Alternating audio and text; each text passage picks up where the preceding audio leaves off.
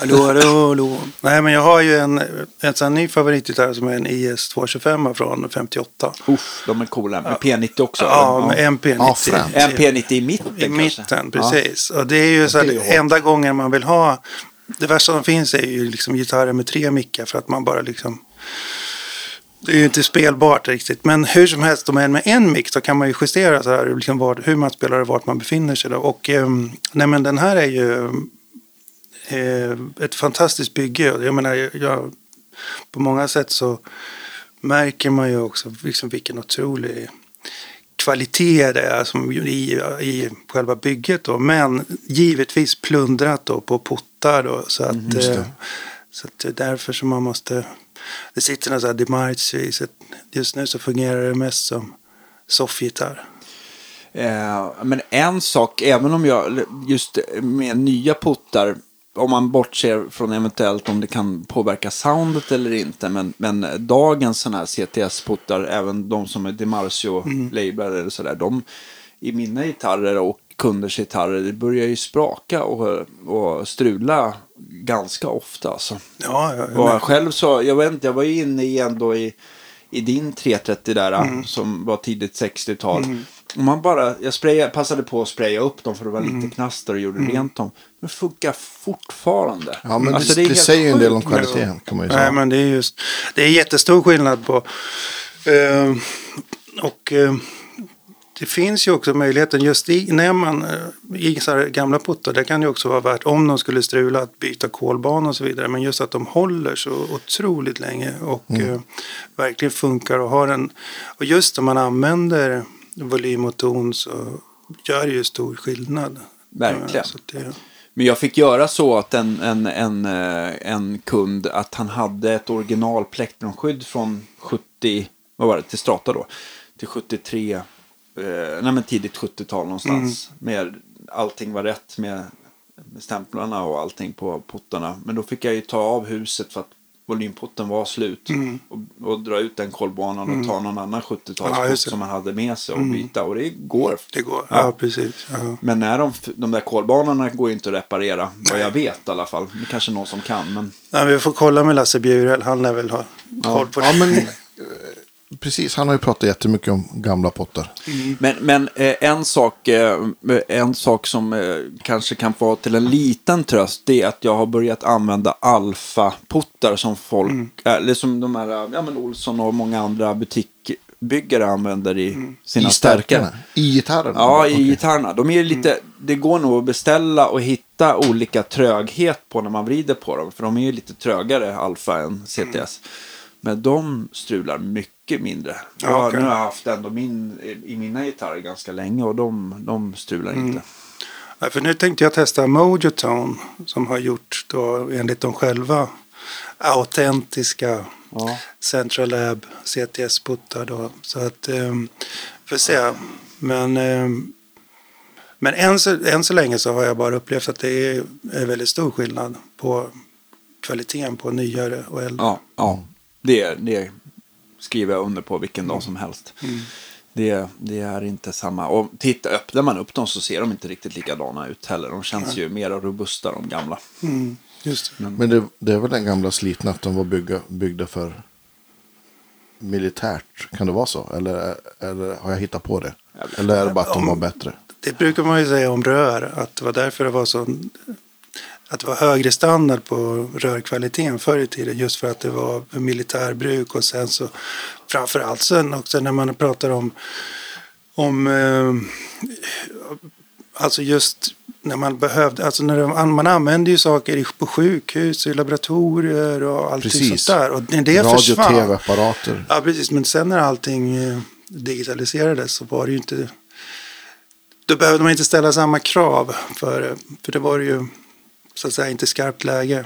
Nej. Skulle, eh, när, när vi blir äldre, vill vi ha en sån här rördriven hjärt och lungmaskin när vi kommer in på...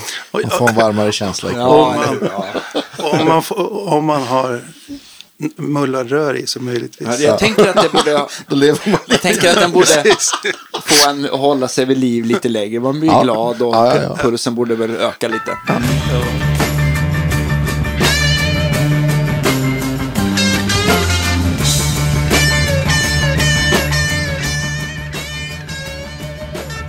Jag tänkte också, det- sen senast, jag vet ju att du, eh, Bobba, välkommen hit till våran podcast. Ja, eh, del tack, två. tack. Tack, tack. Mycket Bra. trevligt. Ja.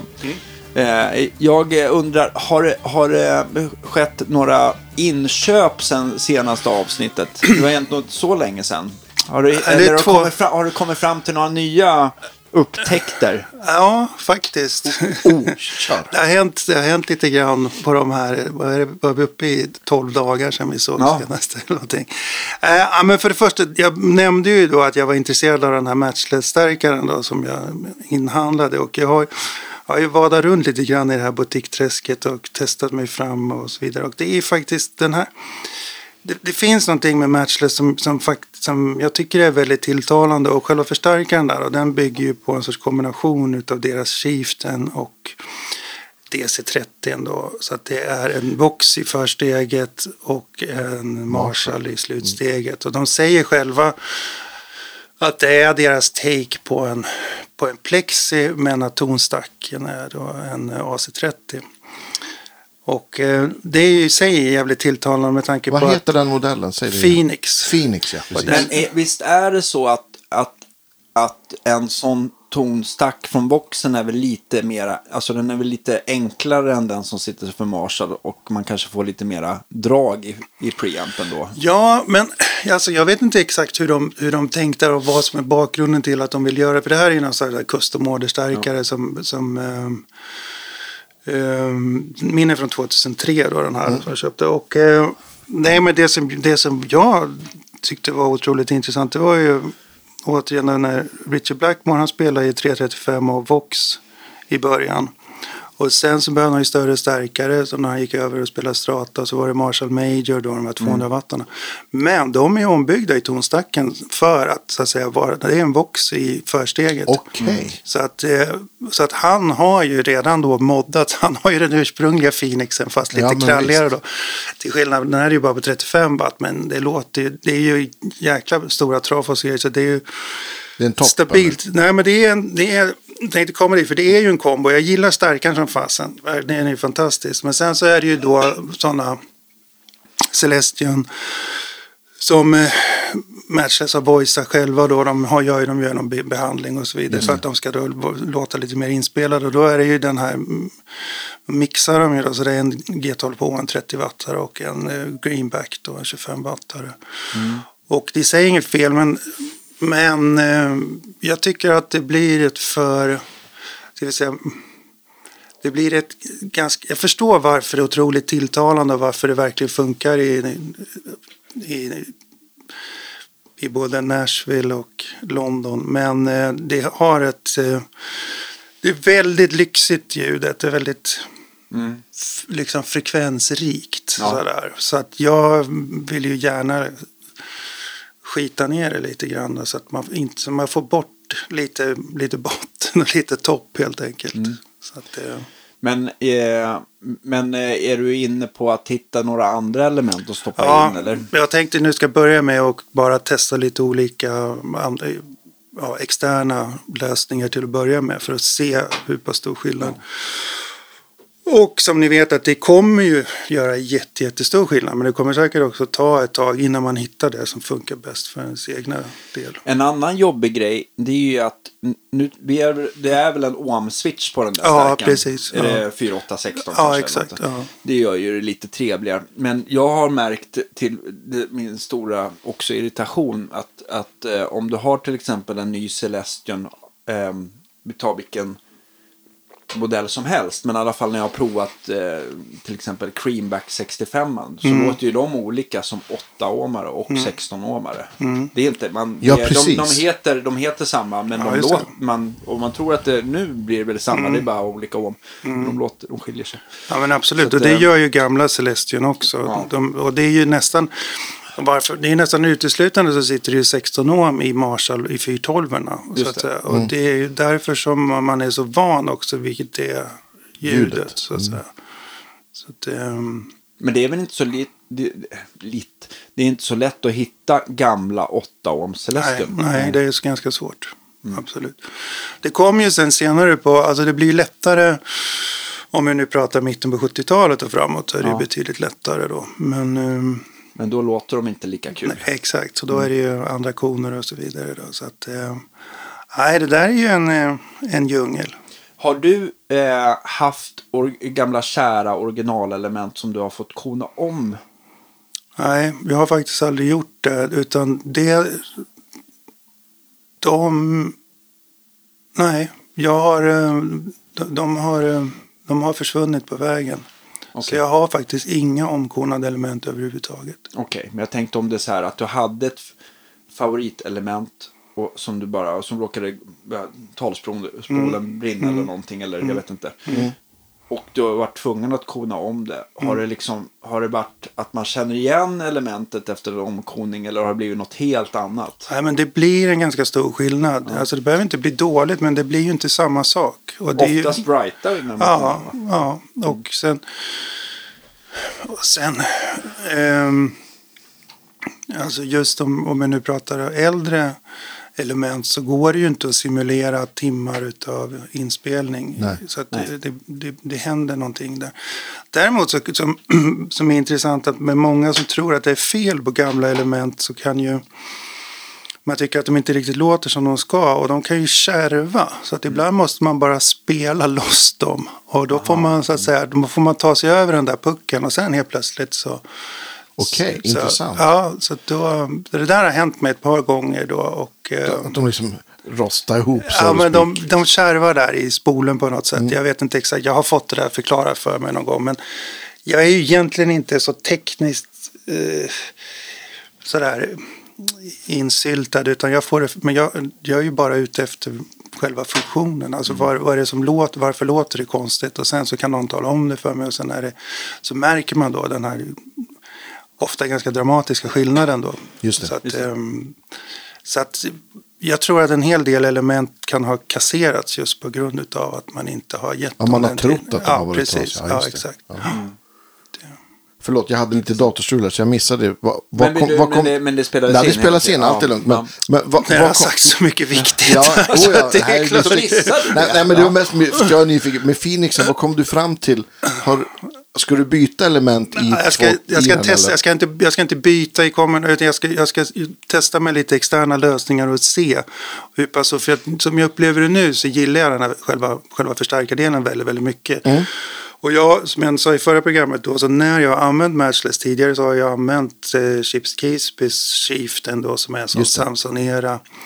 Så han var en av de första i Sverige som köpte, det var ju han och Per Gessle och Ulf Lundell typ. Just som det. var de Men, men Chieftain, den, är, den, är den en Vox-klon? Och Nej, det är det är, deras Marshall. Det är den jag har. ja, det, så den sitter i L34 i slutsteget. Och sen så är det ju, de, det, men deras första då, alltså Marshalls första stärkare är ju då den DC30 som finns i olika varianter, både som är topp och kombo och så vidare. Och det är ju deras take på Vox då. Och det var ju det som de blev först egentligen uppmärksammade för. Då. Och där sitter det L84 i slutsteget. Då. Och sen har de ju, det, det som också de använder ju också en IF86. Du har ju två, två kanaler.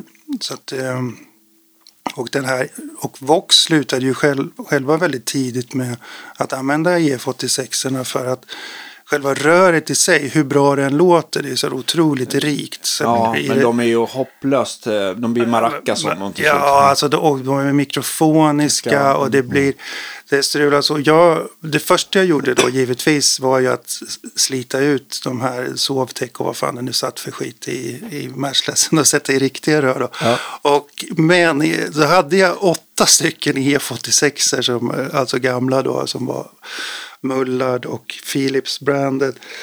Och ja, alltså jag var ju tvungen att skrota hälften, inte för att, och de mäter Jaha. ju okej, men de, det är ändå så funkar de inte just för att det, det är någon, och det här kan, kan säkert någon förklara varför, men det är, det är någonting med de här som gör dem otroligt känsliga. Så att eh, eh, det tar lite tid att hitta ett, ett bra gammalt rör och sen eh, så görs det ju, det finns ju nya också att köpa och så vidare. Så, här, så jag tänkte jag skulle pröva de här som Tube Amp Doctor har lanserat. För EF86, det blir, när de blir så här mikrofoniska, är det nästan så att att de liksom durar med på vissa Ja, ackord och toner. Så här. Det blir så här, det blir, Ja. vad är det som händer? Det, det. och det, det behöver inte vara dåligt, men Nej. man vill inte ha det hela tiden. nej, Nej, så att det där, men... nej, men, sen, men just att den andra kanalen då blir ju mer som, då sitter det ju bara 12, eller tre stycken 12 AX7 som försteg. Och det gör ju att man egentligen får eh, väldigt mycket Marshall-karaktär på, på kanal 1 då. Så att, eh, så att det är egentligen bara hur de har tweakat den då som gör att man ändå upplever den här eh, Voxigheten. voxigheten då som ger något litet sparkel. Så, att, ja. Just det. så jag gillar ju, jag har ju alltid, mitt, jag- det tror jag vi pratade om sist också, att jag skulle ju jättegärna spela Vox. Men, men problemet med Voxen är ju att den har ju ett så kort fönster. För den Det är kollapsar. tio minuter av välljud. Ja, precis. och det är så och, och det är så här, det är ju inte direkt när du startar upp den utan den måste ju bli liksom lagom varm. Men sen så fort den blir för varm så bara, ja. En tresättare på stampen, då är det kul i slutet av första och början av andra set. Sen så, ja. Nej men exakt, exakt. Så att det, men, eh, men, men det var ju också en sån här, det har ju dykt upp givetvis lite frågor efter förra programmet. ja. då. Och eh, det var Ja, det där, Mm. jag, jag, jag måste bara flika in. Jag har aldrig fått så mycket extas-kommentarer över ett avsnitt Nej, som. Bobba nummer Ja. ett, tror jag. Mm, det var väldigt men, eh, jag, jag, jag, jag trodde att planen var att tona ner nördigheten i del två, men, men vi får väl se Nej, var nej, vi nej. landar. Men, Det, det är redan kört. Det kan vi göra i del fyra, tänker jag. Men när vi pratar, alltså när vi pratar de här musklerna alltså i, i Marshall, om vi pratar 100 wattar och så vidare, så vi, då pratar vi i en kontrollerad miljö i en studio för att man ska kunna få ut precis de här sista två procenten som vi pratar om. Och de är ju inte relevanta. För det första så, så drar man ju inte upp den här typen av eh, monster på en, en normal scen. Det är ju det är liksom, det, det är ju inte det, och man försöker ju inte återskapa det för att man försöker kanske simulera det i någon mening och att man hittar en mindre förstärkare. Men, och när vi pratar om det här med telekablar och så vidare så är ju det någonting som gör en skillnad i studio. Men sen så när jag, när jag spelar när jag spelar live så är det ju inte alls så avgörande. För det hade ju blivit, då hade man ju blivit Knäpp. Och och det hade varit extremt begränsande får man väl säga också.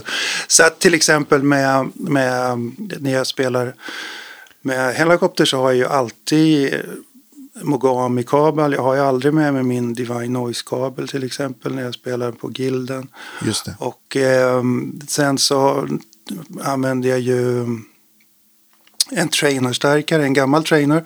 Som är ju, och de är ju byggda ju för sig som en Marshall i den traditionen. Då. En Så- kanadensisk Marshall. Precis, precis. Eller en fattigmans Marshall. Där. Men den är Men de är fantastisk. ganska välbyggda vad jag Ja, vill- ja, superbra. Den här Ola Insulander tweakade den här också så att den, den blev riktigt bra. Och eh, det sitter ett, däremot så själva elementet, det här är ju en liten kombo då och eh, elementet som satt i där var ju, var ju inte kul. Så att nu sitter det ett, en, eh, det är en creamback i den.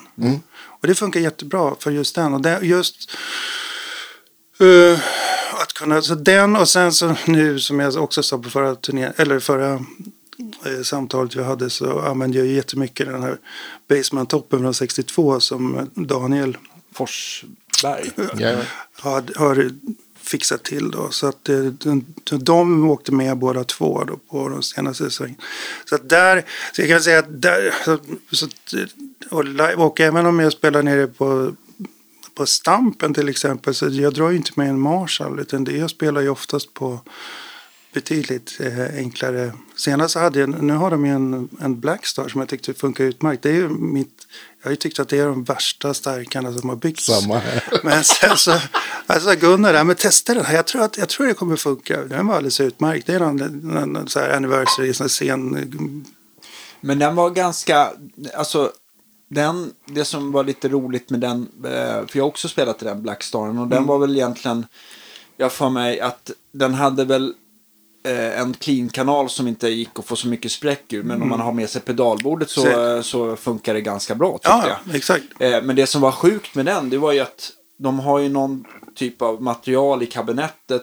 Och jag tror att de kör på switch, någon form av switchade nätdelar. Så att man är ju van att ah, det här är en rörstärkare. Så tänker man att nu får jag väl ändå ta i lite. Men Ja. den väger ju typ ingenting för Nej, en så- Men är det en ny variant? eller? Ja, jag tycker, men jag tycker att den var bra. Ehm, och jag tycker det så här, om man, jag menar, tar man med sig sitt pedalbord så gick det ändå bara att ställa in något, nå- absolut någonting som funkar har, bra. har någon Mm. av pivisarna gått sönder eller? Nej, men alltså de där PV-stärkarna som, som Gunnar, det låter svinbra när han spelar igenom dem, men när jag Mm. själv spelar igenom dem, då tycker jag, det, jag, jag, jag kan nästan inte komma ledsen. på någonting som jag tycker är värre. Men de, de, nej, men det, är- som du säger, det låter ju fantastiskt när Gunnar spelar. i det. Och, men de är ju, det är ju, det är ju inte rörstarkare. Utan det är Nej, de är transistor. Ja. Men de, och de, de fussar på ett jävligt charmigt sätt eh, när han spelar. Men, men, ett litet oväntat sätt. ja, de är väldigt plötsliga Ja, kan man precis, säga. Så här, precis. liksom, det är rent Ja, så, att, så det kanske inte är alltså om man inte är van så tror jag det är inte det man vill koppla in i när man bara har en lånestärkare. Utan, Nej. men eh, ja, nej, nej, jag vet inte, men det, det låter i alla fall. Men bra, bra att du, att du påpekar det här. För, för som sagt, de här sista procenten. Absolut, i en studiomiljö gör det ju skillnad. Men Ja. på en brötig scen med ett rockband.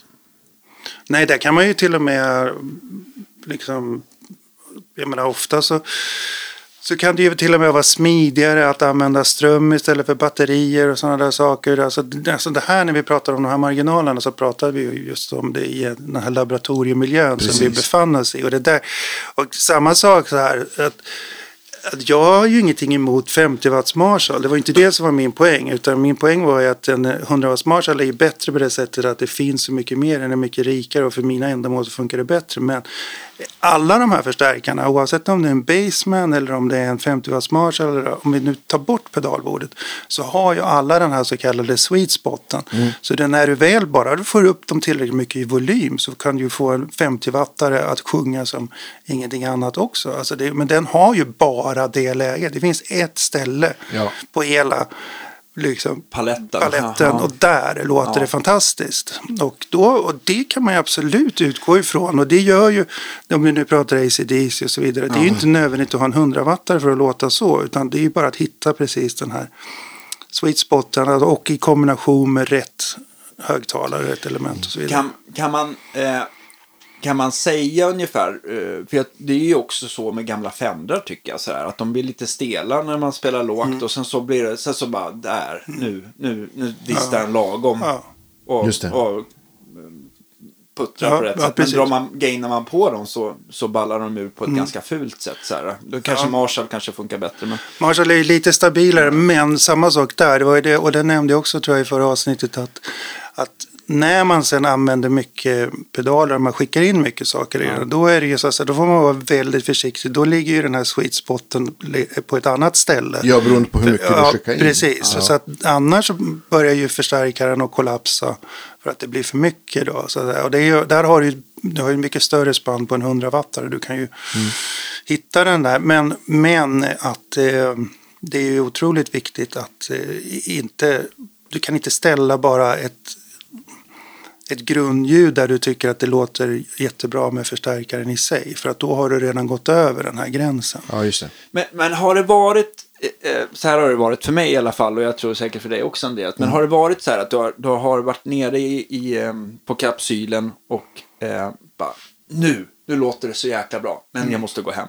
Så kommer du dit dagen efter och sen så bara slår du på grejerna och så bara, vad var det? Så är det lite grann det här att man tycker nästan att man får, vad var det jag gillade? Eller, eller att man tycker helt annorlunda dagen efter. Ja, det, men ibland kan det ju vara så att det faktiskt låter annorlunda. Och det har ju att göra med ström och an- andra saker som vi diskuterade sist där. Men, Vi men- uppvilade öron också. Men Ja. precis, men den stora skillnaden tror jag är att man, att man sitter, man, man går in i den här tunneln och så sitter man alldeles för länge och så påverkar det Exakt så. hörseln och så Ja. vidare. Och sen när man, så att jag menar, du har ju tappat jättemycket diskant efter en session. När du har suttit där. Lomhörd, ja. Ja, så att när du kommer tillbaka dagen efter så låter det ju annorlunda än det lät när du slutade. Ja. Så att man måste hela tiden ta pauser och eller det upplever jag i alla fall. För att eh, annars så skruvar man bort sig ganska så 100 snabbt. procent. Ja, Jag, jag instämmer. det, Men ehm, Den här, din, din eh, var, hette den Phoenix, var det så? Ja, just det. Men hur står sig den mot dina gamla Marshall? Är det så här Mm. att, den, att den fyller ett annat, eh, en helt annan funktion eller, eller eh, låter den eh, som någon av dina gamla Marshalls någonstans? nej, men det gör den inte riktigt. Men den har lite Vox-karaktär och den har lite Marshall-karaktär så att säga som blandas. Det, jag tycker i sig, den, den är sitt eget så här, lilla monster. Men den är, den är, den är, det finns någonting väldigt attraktivt med den. Men det framför allt så var ju min avsikt att kunna ha en väldigt pålitlig förstärkare som jag ska kunna ta, ta med mig i olika sammanhang. Ja, och ska kunna dra omkring den. Och att det ska vara lätt att eh, hålla, jag menar, ta hand om den. För att en, en, eh, en gammal starkare som man drar ut på turné, den kan ju börja leva sitt eget liv och så vidare. Eller bara ja, enstaka spelningar och så vidare. Så att eh, det här, det finns, det, det var en väldigt tydlig avsikt med varför jag ville ha en ny starkare. Det är därför jag testar så mycket av de här olika butikvarianterna. Så att eh, jag tror att den absolut kommer fylla sin funktion. Men det kommer ju inte vara istället för, om vi nu pratar om den, återigen den här kontrollerade miljön då där nere så kommer ju de andra stärkarna ha en fortfarande en mer Den kommer få stå och titta på, Den snällt. kommer få vara, precis. Så att, men det är ju perfekt alltså, om man ska repa eller vad man, och det är så här också om man behöver. Det är också en väldigt tacksam förstärkare för någon som gästförstärkare om man behöver låna ut. För det är otroligt lätt att ratta in de här för vem Ja, som helst. Så att säga. För att det kan ju bli lite övermäktigt ibland att ställa sig med en eh, 100 watts Marshall till exempel. Så att, eh, För kapsylen har väl också funkat lite så att den har funkat eh, som produktionsreplokal för, för, för band. Och är det tänkt att man måste släppa dit allting eller får man hyra även grejer som finns? Nej, det, det beror lite grann på. Jag har ju... Nu kommer vi in lite på musik här. Men jag, li- jag spelade ju i några år med Lasse Winnerbäck. Och då hade vi ju kapsylen som, som produktionsreplokal. Liksom. Och då var det ju mer eller mindre utblåst. Så då, då, tog, då tog ju alla med sig det som skulle med på turné. Just Men sen så nu när... eh, Ja, senast när jag var, alltså när Stefan Sundström är där, så då, och då är ju Ola med och lirar också, så då används ju egentligen bara de grejerna som finns i lokalen. Just det.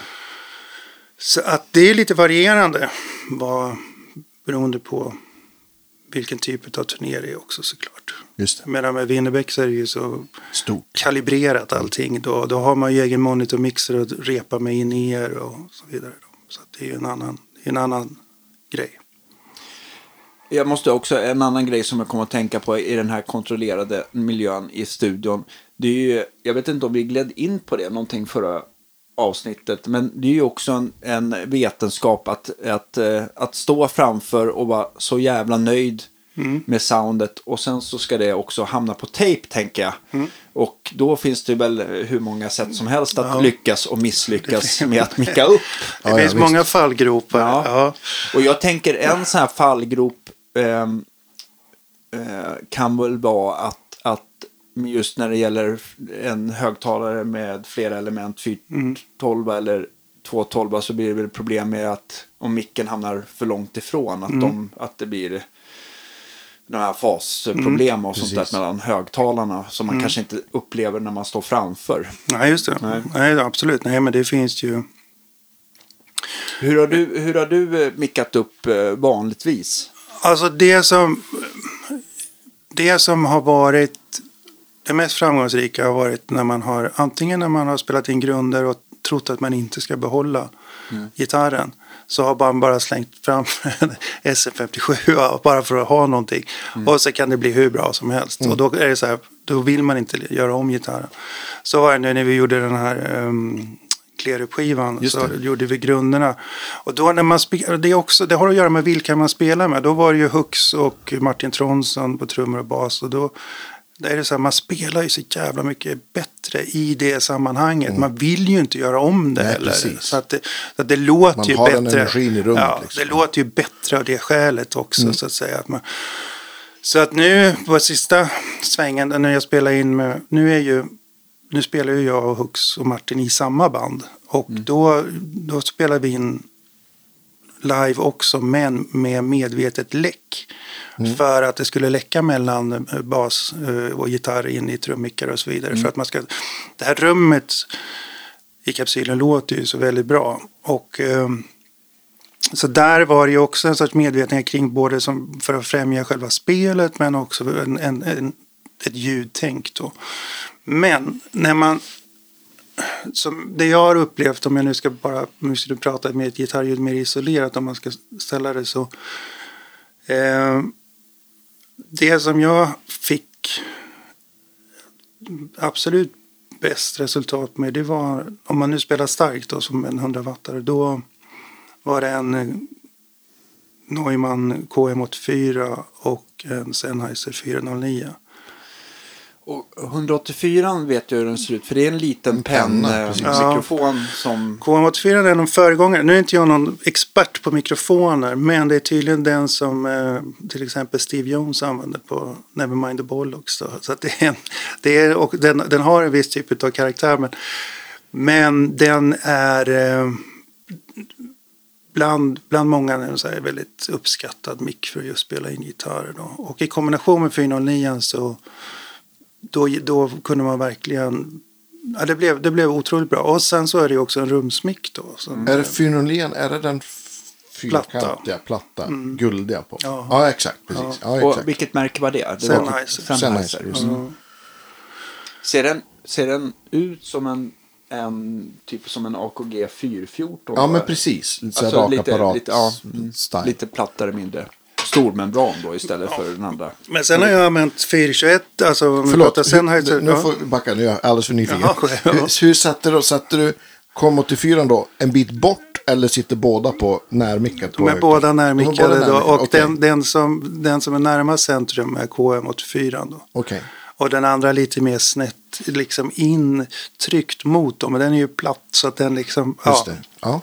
Och den, alltså det står den mera som lu- 45 graders vinkel in ja lite mer så kan Ja. man säga. Ja, Ja, och precis. den andra mer rakt Jag in. tror att jag har ett foto på det här någonstans. Vi kan titta på sen. Ja!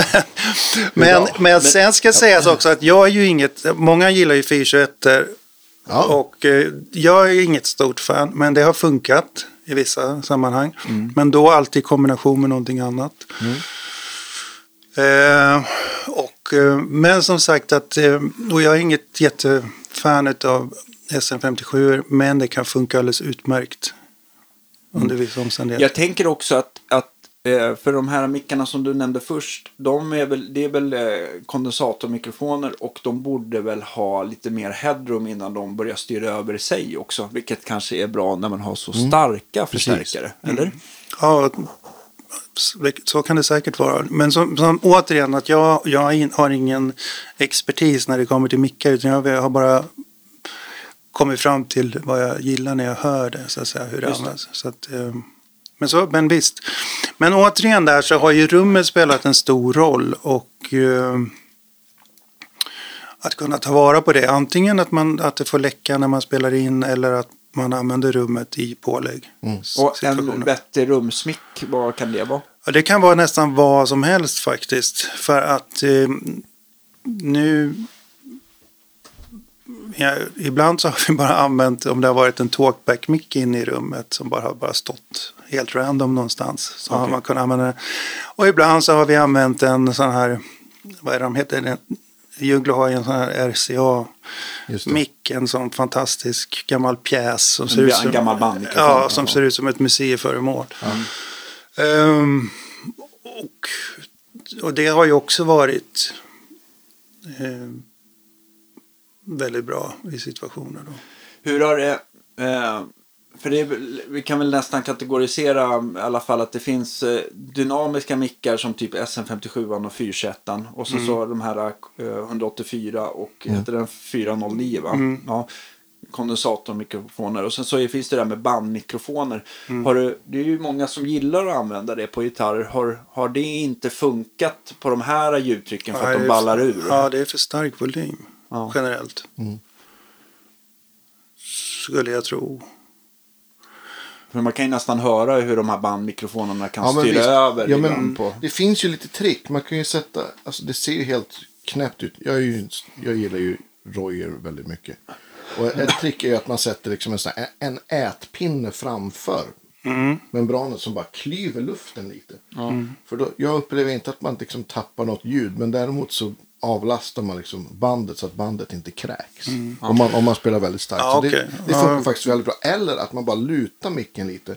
Att man lutar bandmicken liksom, så att den inte är helt liksom, i, vad ska man säga, i linje med högtalaren. Om man, om man lutar inte framåt eller bakåt så att det inte kommer liksom jag vet inte om det är att, att allt tryck kommer på samma ställe samtidigt. För, Ja, har men- också funkat. Ja, men för nu, nu senast när det blev, då, då använde vi en Royer som eh, rumsmick. Ja. Och det var ju fantastiskt. Det funkade ju väldigt, väldigt bra. Och, det, och den använde vi konstant som rumsmick för alla påläggen då.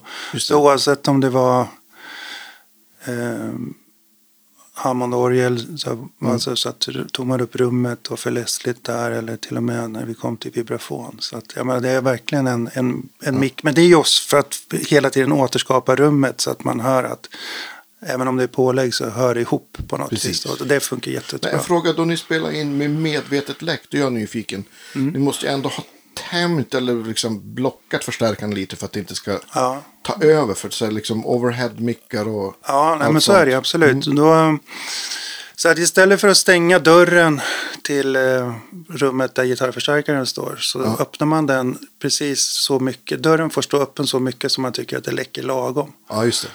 Och, ehm, så det får man lyssna lite grann efter. Och, ehm, sen så hade ju i det här fallet så hade vi en avskärmning på ena sidan utav trummorna så att man kunde så att säga, låta basen skjuta förbi så att den inte var riktad mot trummickarna. Just det, smart. Så, så det funkar och då blir det ju att rumsmicken plockar ju upp alla studsarna i rummet och så Ja. vidare. Då, så att eh, det blir, det blir väldigt organiskt. På tal om, om rumsmick så, så det var Göran Ernqvist som spelade upp för mig. Det har ju läckt ut alltså rumsmickar från inspelningen av första inspelningen av rumsmickar från första Van Halen-plattan. Mm, det. Och det visste inte jag att de spelar liksom bas, trummor, gitarr i samma rum. Mm. Och liksom, man hör ju liksom allting. Det låter ju så, det är som att stå i replokalen med, Mm. med Van Halen. Det är helt fantastiskt. Ja, är. Och man får också ett helt annat, ja du har hört det här. Ja, ja, man får en helt annan feeling för Eddies gitarrljud också. Mm. Och basljudet också. Och, och Alex fantastiska dynamik i trummorna. Allt det där är liksom borta på plattan Ja. lite. Ja, ja. Nej, men det är ju alltså... eh, om man nu ska ha några åsikter om Van Halen så är det väl kanske just inte om själva bandet och deras spel utan det är ju just mix, hur det har mixats. Ja. Men eh, i grunden så är ju det, är ju fantastiskt. Ja, och shit vad de spelar också. Ja, ja. Ja, det, ja, är liksom, det. Ja. det är liksom stereorumsmickar som har. Jag kan skicka det där till dig. Ja. Och dela det till er också. Nej, men Ja, verkligen. det vill jag Ja. jättegärna Ja. höra. Ehm, Men, men, eh, ja, men rumsmickar var vi på. Jag, jag var, där jag spårade ur här. men det brukar väl du också göra när vi har spelat in? Och så, Ja, men precis. Jag brukar ställa en ute i, liksom, i fikarummet typ. Eller så här. Antingen, alltså, antingen någonting i rummet och en ute i fikarummet. Eller en bara ute i fikarummet beroende på. Ja, men det beror ju på hur de andra arbetar, tänker jag också. Ja, men absolut. Ja, jag själv kan göra vad jag vill. Ja. Liksom. Nej, men det är ju absolut. Det är ju ett djup som är. Men, men en sak som eh, jag tänkte på också eh, för att eh, prata om kapsylen som rum när man är där inne. Eh, jag tror att mycket, det är ett ganska stort rum och relativt högt i tak. Men det är ju inte, det är inte jättehårt dämpat. Nej. Men det som jag tror gör att det blir väldigt bra det är att det är så jäkla mycket grejer. Så att det, det blir inte de här eh, kala Ja, väggarna och så här. Det blir inga fladderekon vad jag vill minnas där. Nej, va? men så är det ju absolut. Inga sådana problem. Du har ju din Marshall-diffusor. Precis, Ja. precis. Det är, det är otroligt genomtänkt. Ja, men det är, Men det är ju- ja, jag nej, vet men inte så- hur många stärkare som står där inne, men det måste ju vara en, en 30. Ja, ja, men det är det väl säkert. Ja, Ja, jo, men, jag menar, Ola har ju lika mycket som jag har. Ja. Det var ju den, den sidan som inte fotades. Precis. Det är ju liksom lika mycket där. Nej, men absolut, visst är det så. Och, eh, men det är någonting, alltså, trumljudet blir ju generellt sett fantastiskt i kapsylen. Och då är, dels är det ju, Juglo är ju trummis. Så att han har ju, han, det är ju för honom ligger det väldigt nära att skruva till det. Men nu när vi spelade in senast så var det Linus Björklund som spelade in då. Som är front of house för Helicopters då. Och Mm. lirar också med Lucifer. Och det blev ju sjukt bra. Så att, eh, så att det rummet är, och det sa ju han och det säger ju alla som kommer dit också. Mm. Men fan det låter så bra om själva rummet. Så man vill ju ta vara på det. Mm. Och sen, men sen finns det ju eh, den... När vi spelade in eh, tredje helikopterskivan Grand Rock då, som jag spelar gitarr på, då är det ju... Den är inspelad i Silence-studion uppe i Koppom med Anders. Och han var ju, där har man ju, det också, var ju också ett bra rum, men där var det ju på grund av hans expertis. För han gick ju och klappade och liksom lyssnade på studsarna i rummet och placerade förstärkare och mickar ut efter vad vi var ut, Vi förklarade ju bara, eller framförallt Nicke förklarade vilket ljud som han var ute efter då, så att säga, i, och hur han ville att gitarrerna skulle hur man skulle arbeta med rummet på motstående sida. Så att säga. Så att du har gitarren höger, rummet vänster, gitarren vänster, rummet höger då och så vidare. Så, så är den, så är själva grundtänket på den skivan. Och det är först nu, den kom ju i fredags i sin revisited form då. Så att, ja, så den är helt färsk nu då. Så att den har ju varit Alltså lite... remixad då? Ja, men den, den, är, den är remixad men den är också revisited. För det var så här då. När vi gjorde den här skivan så var det mellan två gitarrister. Dregen hade slutat och eh, vi hade fortfarande vi hade ännu inte träffat strängen. Så vi hade testat och vi hade turnerat med lite olika gitarrister. Men så tyckte vi att det enklaste är att vi spelar in den på fyra. Så att jag och Nicke delade på gitarruppgifterna. Och eh, när vi var klara så eller när studiotiden, så här var det snarare, när studiotiden var slut och vi var tvungna att åka på turné, vi skulle till Japan, så lämnade vi ifrån oss det inspelade materialet och Scotty då som har jobbat med Bob Hund och andra skulle mixa den här skivan medan vi var iväg på turné och eh, även lägga percussion så att det är Thomas Öberg från Bob Hund som spelade percussion och så vidare. Eh, och den mixen som blev var ju kanske inte vad vi hade trott att det skulle vara. Den, den låt, det var nog mera hans bild av vad han ansåg att helikopter skulle vara. Och den är, så mixen färgar otroligt mycket och därför låter det som ett så mycket större glapp sen till när vi kommer med High Visibility som låter som ändå en mera storskalig produktion då jämförelsevis. Då. Men själva grundgrunden, så våra råmixar som Anders gjorde upp i Silence låter ju mycket mer som High Visibility än vad själva slutresultatet av Grand Rock var. Så vi har diskuterat fram och tillbaka. Vi tänkte att det skulle vara kul om man kunde mixa om den där någon gång och så vidare. Så där. Och sen så gick ju åren och vi gjorde ju nya skivor då. Så när den, för när skivan kom ut, det var i samband med det som Strängen började med Helikopter. Så det är han som har turnerat på den skivan då. Och sen gjorde vi ju eh, High Visibility och sen kom det på By the Grace of God och Rock'n'Roll is Dead och så gjorde vi den här coverskivan och sen, sen la vi ju av. Så det, vi hann inte riktigt med det där. Sen, sen så nu när vi började om igen så har vi pratat om det där fram och tillbaka.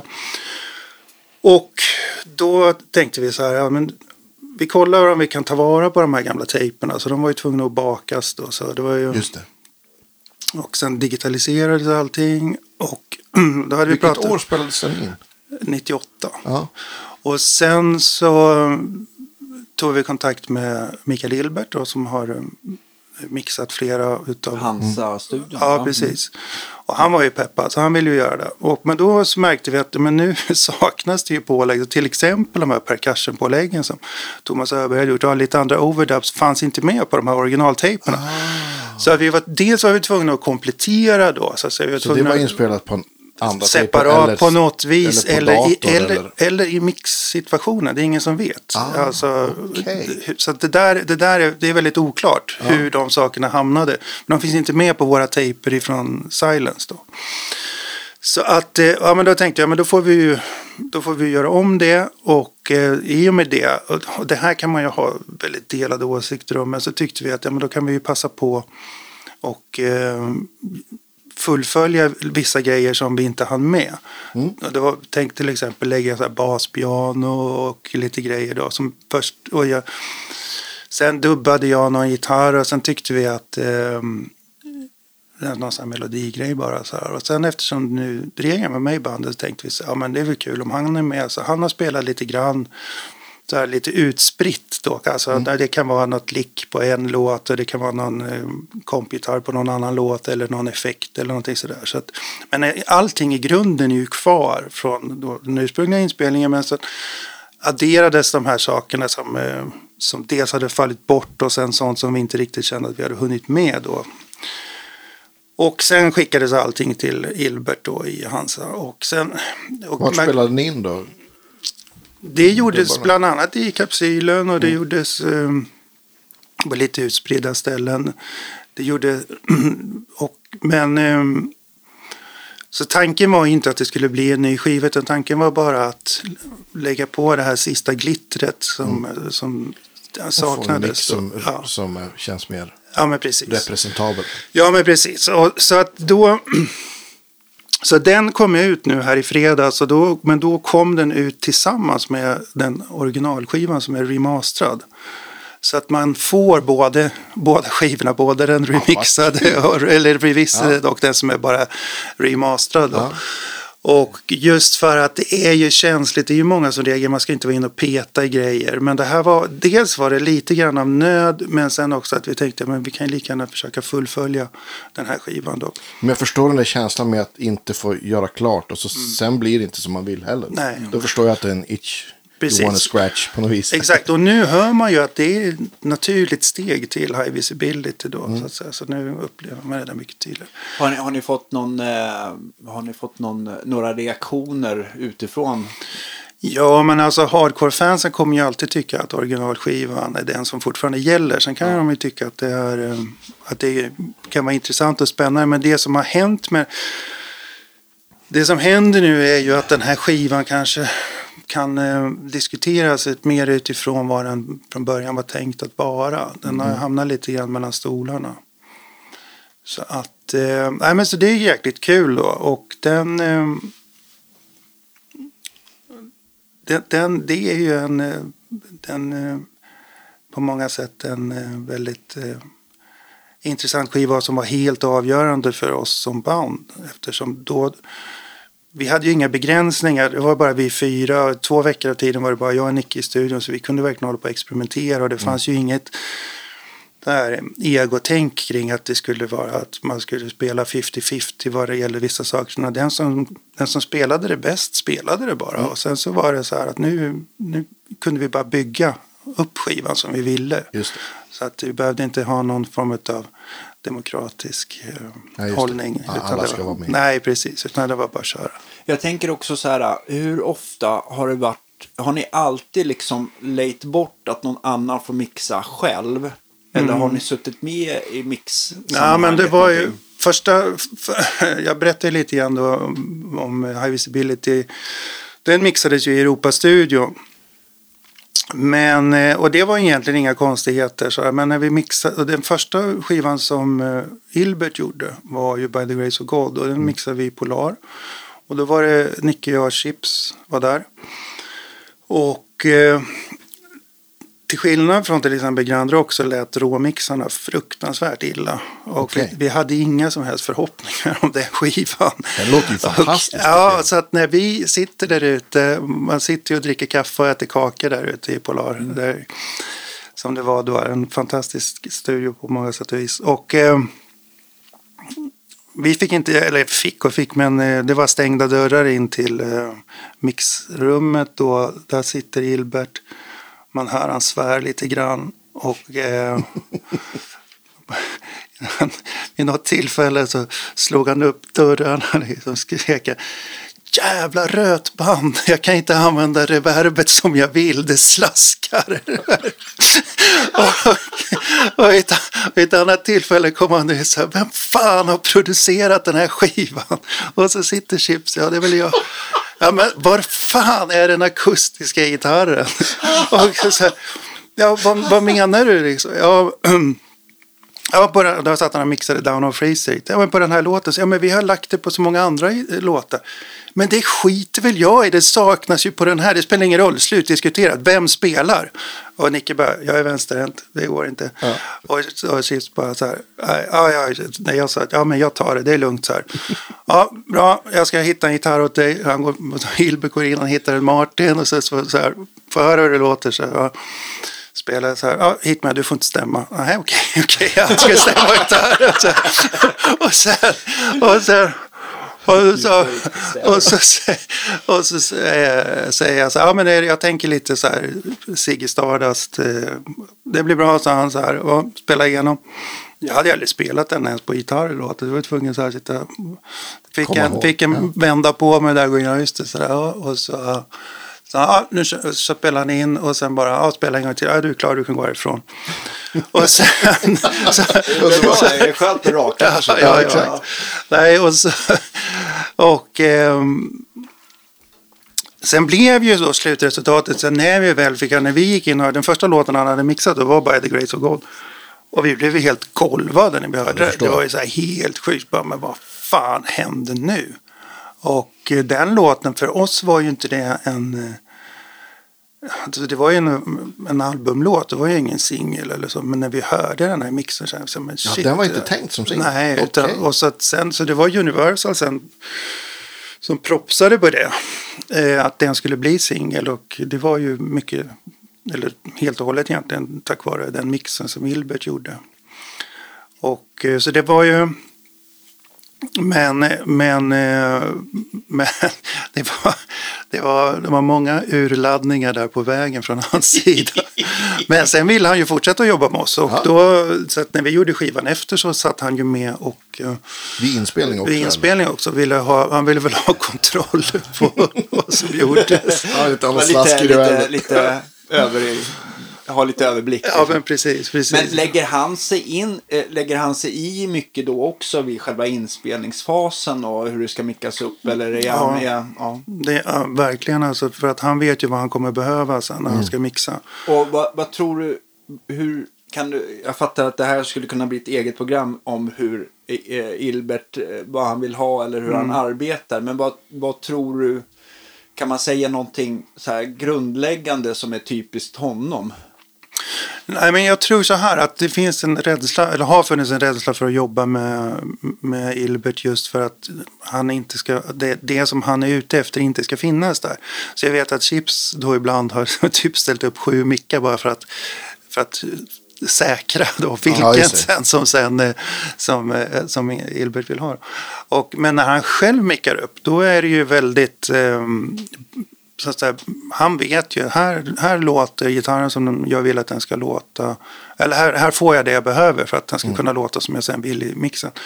Så då är det inga, inga, inga konstigheter och det är inte alls något um, överdimensionerat på något vis. Då, utan det är, det är basic och så. Och han har ju en otrolig känsla för det där. Sen så, sen kanske när han, när han jobbar som producent så blir det ju en annan grej då. För att han kan ju få, han kan väl få musikerna att kanske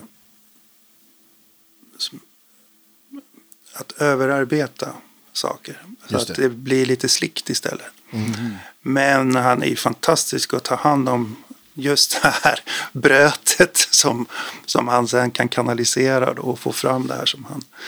Nej, det, så det, det var. Och, så han har ju... Han har ju han har ju, gjorde ju även våran senaste skiva, eller mixade även våran senaste skiva då.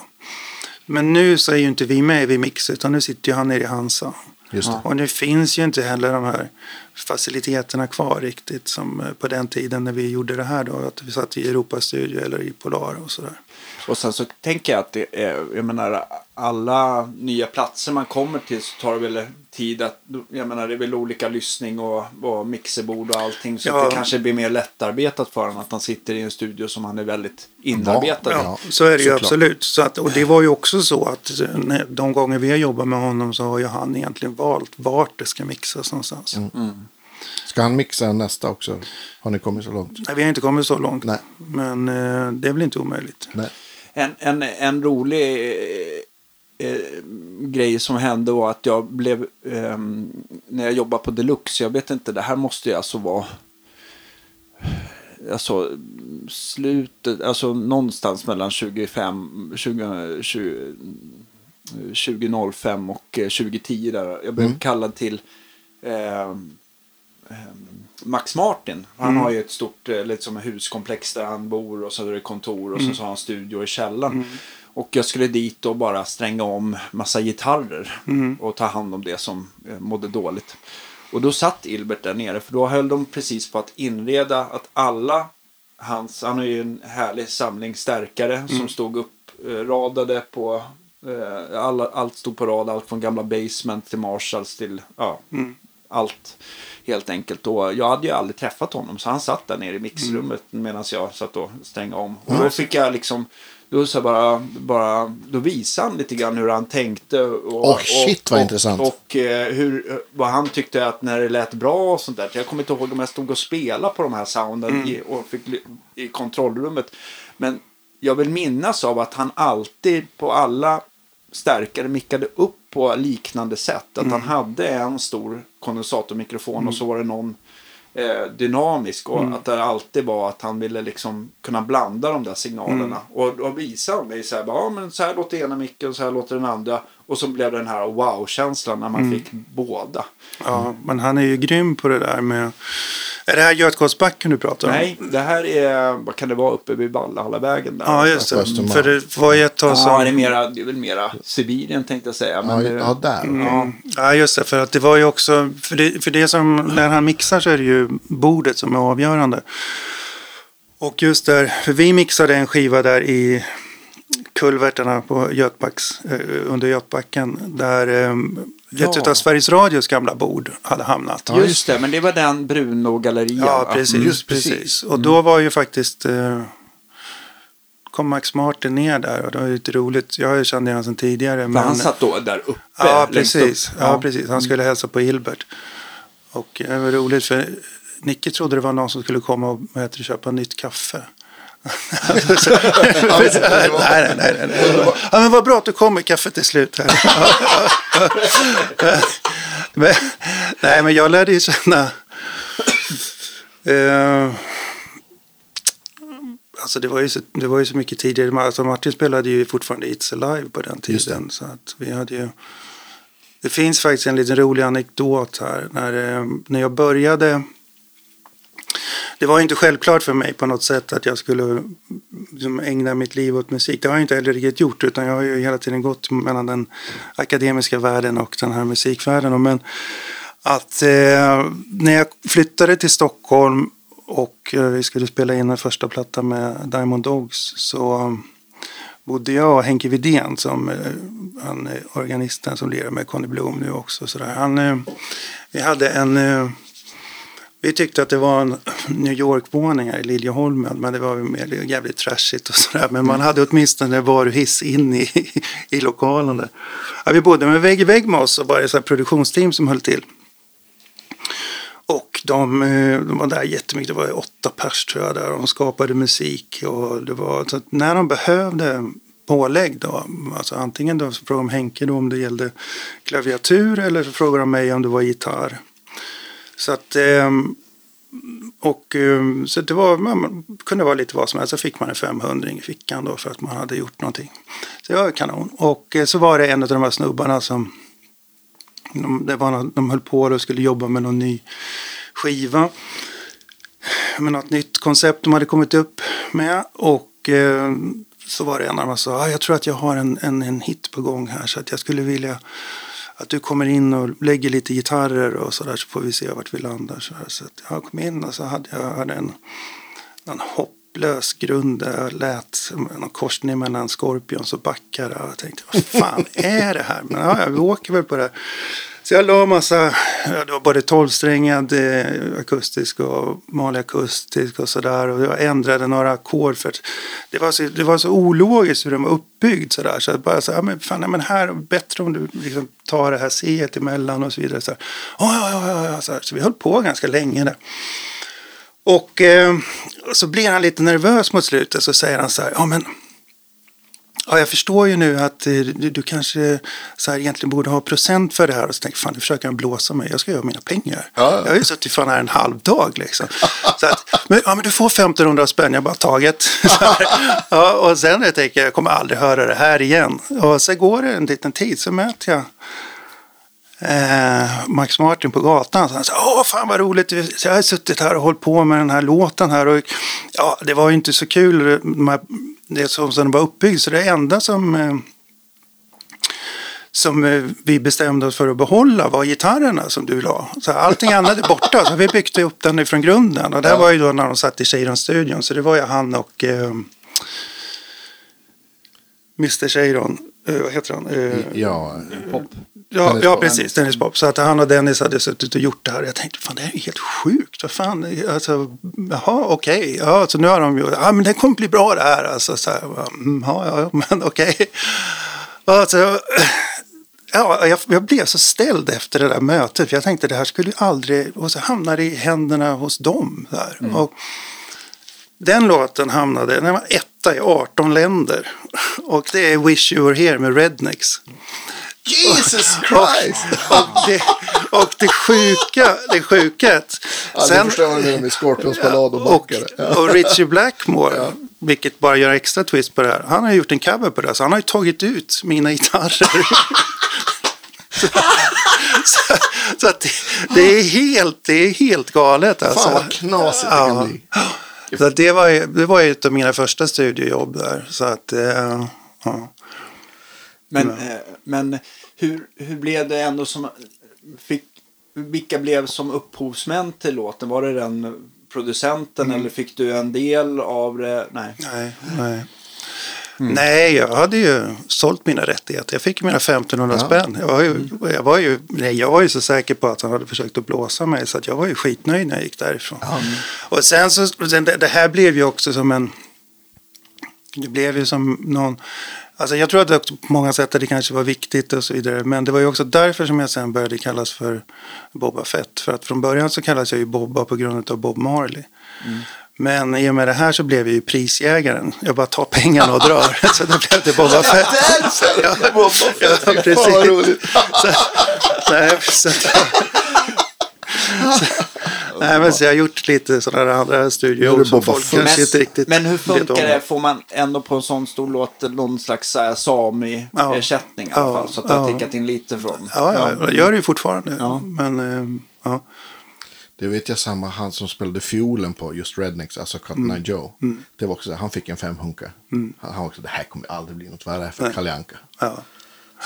Men man fick ju den här känslan och sådär. Den, sen blir det ju en annan grej då. Alltså det är klart när Max Martin och Dennis Pop tar tag i grejen. De gjorde ju inte alla låtarna men de gjorde ju Wish You Were Here och kanske någon till då.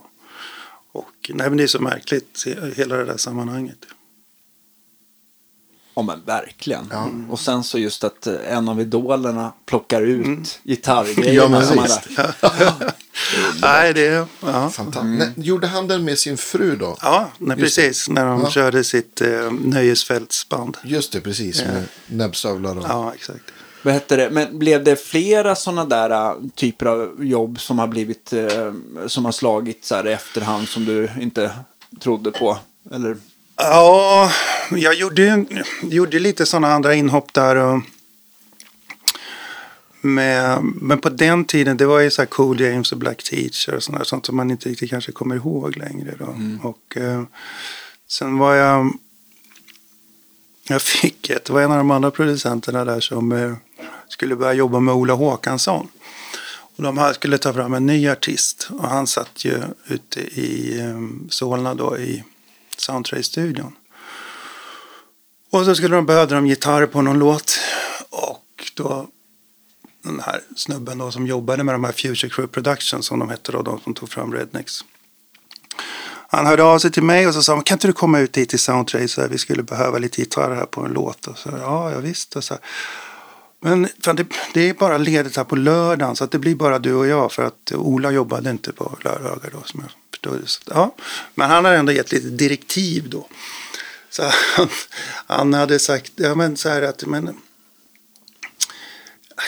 men jag vill gärna liksom, jag vill att gitarren ska förmedla en känsla utav, man hör de här oljetrummorna i bakgrunden och det ska vara så här lite Sydafrika. Så här, jag bara, fan, det här låter ju helt sjukt det här. Ja, ja, det stod en Messa Boogie där, en liten eh, Mark 2. Så jag tänkte, ja, fan, jag ställer in ett rent ljud här och så kör jag lite Ace Frehley Licks så får vi se vart det landar. Så här. och lirade in det på den här. Och sen så tänkte jag, ja, det, det, får väl, det får väl bli vad det blir. Så gick jag därifrån. Sen på måndagen, då hade han hört av sig. Då, och så här, vad är det för snubbe? Det är ju värsta Soweto-känslan.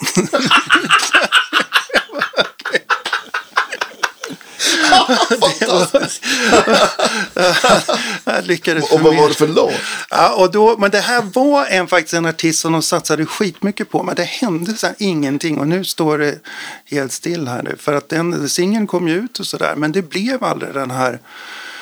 Till skillnad då, så det här var ju någonting som de trodde jättemycket på. Och den artisten hände inte alls. Till skillnad från det här som vi pratade om med Rednix. Man Just det. trodde att det här är ju helt... Så att det är lite svårt att säga om sådana där saker. Ja, absolut.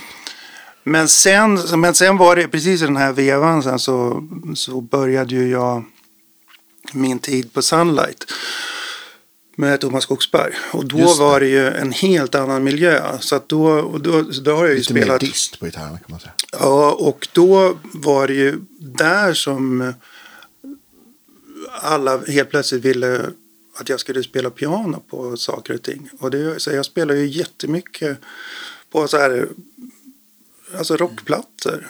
Och det är bland annat, och det var ju så också det började egentligen med, med Helicopters för att första singeln eh, så um, då hade Fred Esby spelat in ute i Alphyddan. Och så kom, eh, vi hade precis lärt känna Nicke då. Och då kom de dit med, med tejperna och så skulle Thomas mixa det där. Och eh, sen i och med, från andra singeln då som spelades in i Sunlight då så skulle det vara piano på den. Och eh, så jag, la, så jag spelar ju piano på de här tidiga singlarna och sen så på första plattan och sen så bestämmer sig Nicke för att lägga av med en ton. Han ringer mig från Tyskland och säger han så här, du, jag har slutat med en ton men nu ska jag köra helikopters på heltid men då måste du vara med. Så att ehm, du får sluta i studion. Jag bara, okej. Väl? och, där, och det var där någonstans sen som allting sen liksom tog fart. Då. Hur länge var, arbetade du i den studion? Ja, två, tre år. Någonting sånt där. Så att, Ja, det, eh, räck, det räckte kände du? Ja, och jag Och vad är vi tyckte för år nu? Mitten 90? Ja, mitten av 90-talet. Alltså grejen, gre- grejen är att jag tycker ja, det är ju så otroligt intressant den här musikaliska resan. Men nu känns det som att vi också så här, hoppar över så här stora grejer. Eller allt innan och allt efter. Så det är ju nästan om man skulle ha ett ytterligare ett avsnitt och bara ha om, om, om den musikaliska resan. Jag vet. ehm, Ja. ja. Nej men ehm, ja. Ser publiken börjar liksom bli Nej, det kommer mätta. aldrig, kommer aldrig bli mätt. Nej, men... Eh, nej, men sen... Och sen men det som... Förlåt, vilket år? Eh, Ja, det här, just det här specifikt är ju det här 96-97 då som vi pratar nu. Och eh, sen så från eh, därifrån sen så, så blev det ju mer och mer heltid i, då med Helicopters då. Och eh, ja, och sen small det ju till. Och vi, vi höll ju på med det där fram till 2008. Och då, och jag trodde, alltså det kändes ju, bandet var ju lite i upplösningstillstånd mycket tidigare än så. Men, eh, men sen kände ju Nicke att han inte pallar längre så, så att han bestämde att nu är det dags att lägga ner. Och då, jag tyckte bara det var skönt för att då hade jag hållit på ganska mycket ute på universitetet så jag började på forskarutbildningen. Då, så att jag hann ju nästan doktorera innan vi återbildade så att jag, jag um, var, jag, ja, det var ju 2019 som jag blev klar, som jag disputerade då. Men vi började ju om redan 2017. Och sen åren emellan där så lirade ju jag på somrarna framförallt med Winnerbäck då under sen 2009 fram till 2016. Så då. Var det bara bara piano då? Eller du Ja, gitarr också? ja, bara piano. Ja. Eh, nej, men det var ju jäkligt kul. Så. Det var ju så här ett lagom avbrott från akademiska världen och var tjänstledig i två månader kanske. Vad, pluggar du då på? litteraturvetenskap och filosofi. Så att jag, men jag, jag, det blev att jag, jag sökte faktiskt forskarutbildningen både i filosofi och litteraturvetenskap men kom in på litteraturvetenskap. Mm. Så det var där jag har min doktorshatt ifrån. Just det. Men eh, nej, men så att sen, eh, sen så, um, så blev det ju också att det kom ju, jag vet, det kom ju, på något vis går ju det kanske lite så här i sjok, men allt det här kom ju som tillbaka, det här intresset för musiken. För så fort jag har försökt att verkligen gå in i någonting annat så har jag klarat det en tid. Men sen så kommer musiken tillbaka på något vis. Som att jag fastnar återigen i... Det är svårt att sluta. Ja, det går liksom inte. Jag dras in. Det är oavsett hur, hur medvetet eller inte det Ja, är. alltså att doktorera, det kan man ju säga att det är ett ganska seriöst försök att så här. Ja, ja men precis. Och, jag, och det här är ju mycket tidigare än så. För när jag faktiskt började mitt först, min första ansats. Det var ju redan då i början på 90-talet. Innan det här som vi pratar om nu. Det var ju när jag kom till Stockholm första gången. Och eh,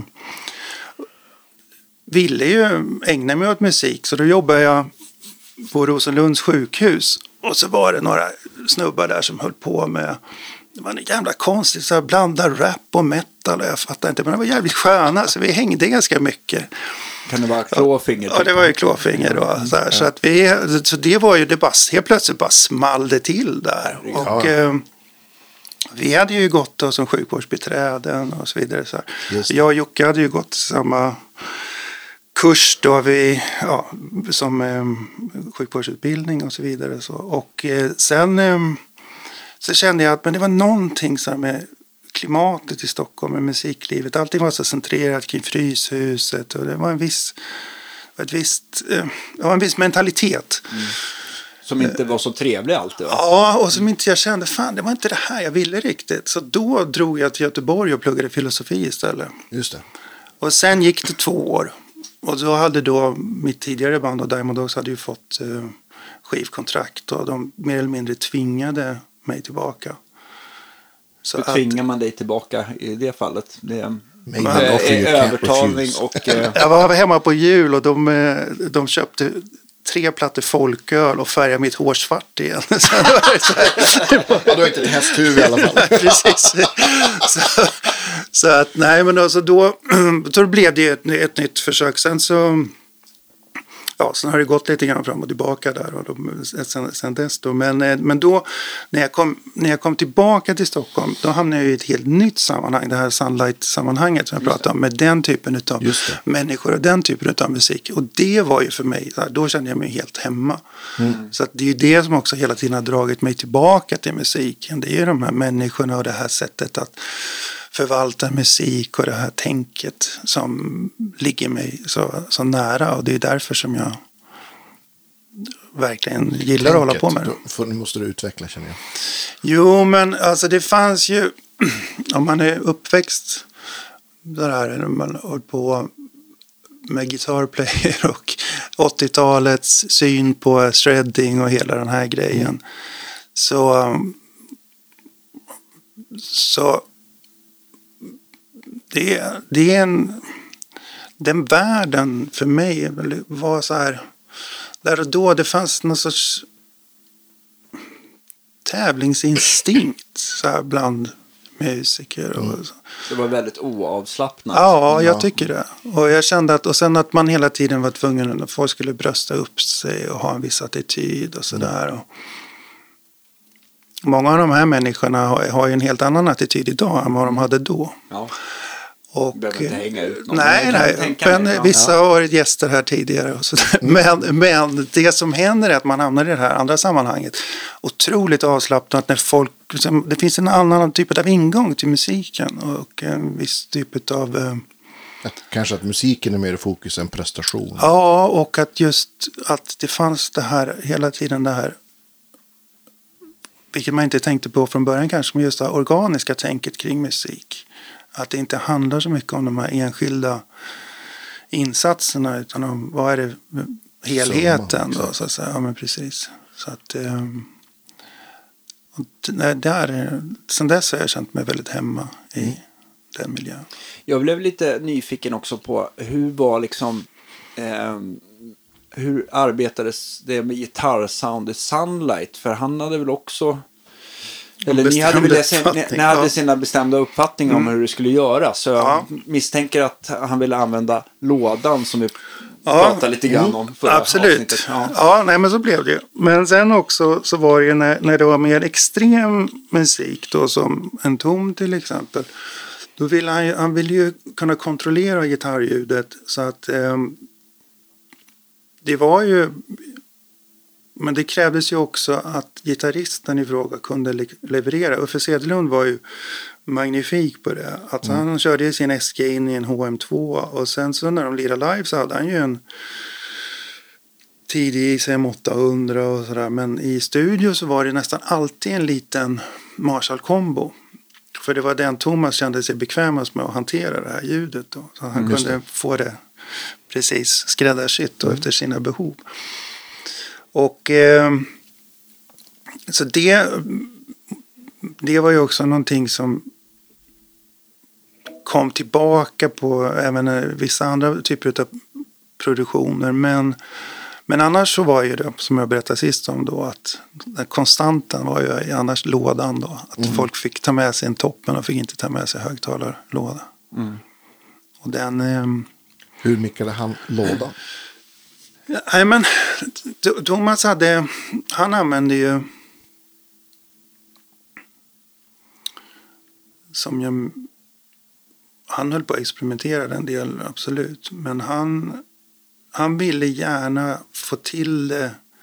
Han ville inte krångla, till, han ville inte krångla för mycket utan han ville försöka få till det så att det verkligen funkade ganska så, ska man säga, enkelt. Och så här, själva setupen och så här. Så jag, som jag minns det så använde han ganska mycket just SM57 och sådana saker. Då. Men han, han är ju jä, jäkligt bra på sin grej. Han har ju han är ju otroligt så musikalisk och verkligen eh, hör vad han är ute efter. Och han präglar mig väldigt mycket med vad det gäller musik och sådär. Så att vi lyssnade ju alltid när folk, när banden gick hem så var vi alltid kvar om man skulle städa eller vad det nu var för någonting. Och så lyssnade vi på allt ifrån John Holm liksom, till Yes. Och, och sen hans stora var ju Beatles och David Bowie då. Så att där kom ju mitt intresse för Mick Ronson Just det. den här grejen. då. Och det är lik- men Mick Ronson, det finns ju kvar mycket av det. Jag tänkte på det här nu, vi kom ju aldrig så långt som Wowa sist. Jag tänker det är ju en Ja. väldigt viktig aspekt som vi borde kanske gå ner lite djupare i. Och, Oh ja. och där Gillar Babbaträsket. Ja, och jag har ju tillbringat många timmar med Filip och han är ju konnässören i sammanhanget tycker jag. Så han har ju verkligen så här dykt djupt. Inte bara bland fu- fussarna utan det är... Nej, Wow, wow, precis. wow. Wow, wow, och även Univibe och sådana saker. Då. Men just det här med Wow, wow så har vi haft möjlighet att testa ganska mycket olika grejer och kommit fram till vad vi gillar och inte är lika förtjusta i och sådär. Så vi hade en sån här uppsättning med olika induktorer då. Och eh, det vanligaste är ju det när man pratar om de här liksom, äldre Crybaby och Vox-pedalerna. Så är det ju de här gentillverkade då. Det man mest har sett eller mest har spelat med det är ju de som har en röd fasel eller en vit fasel. Då. Och eh, kanske inte så ofta då att man har testat de här Halo eller Stack of Dimes. Men det som vi båda två av olika skäl fastnade så otroligt mycket för är ju den här som eh, kommer ganska sent på 60-talet. Nu, finns det de som påstår att den användes redan från 67, det ska låta vara osagt. Men det är ju den här trashcan-induktorn då.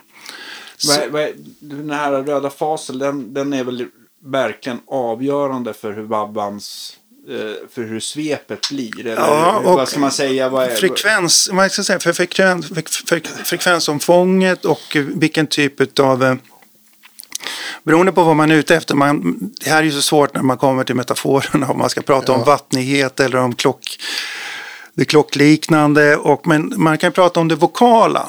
För det är det som, och det är ju också det som jag letar efter i en treble booster. Och här finns ju också det här frekvensområdet som man kommer åt. Just när det gäller det vokala i en wah Och som sen också med den här typen av, av övertoner och hur, hur rikt ljudet blir. Är ju helt avgörande vilken induktor som du använder då. Just det. Och eh, vi fastnade ju då för den här Trashcan-induktorn som också då visade sig Stevie Ray Vaughans favorit. Och eh, så, men sen handlar det ju om hur man då använder en wah Jag håller ju aldrig på med, många pratar ju om med de här, med de här gamla vintage att det är så litet svep.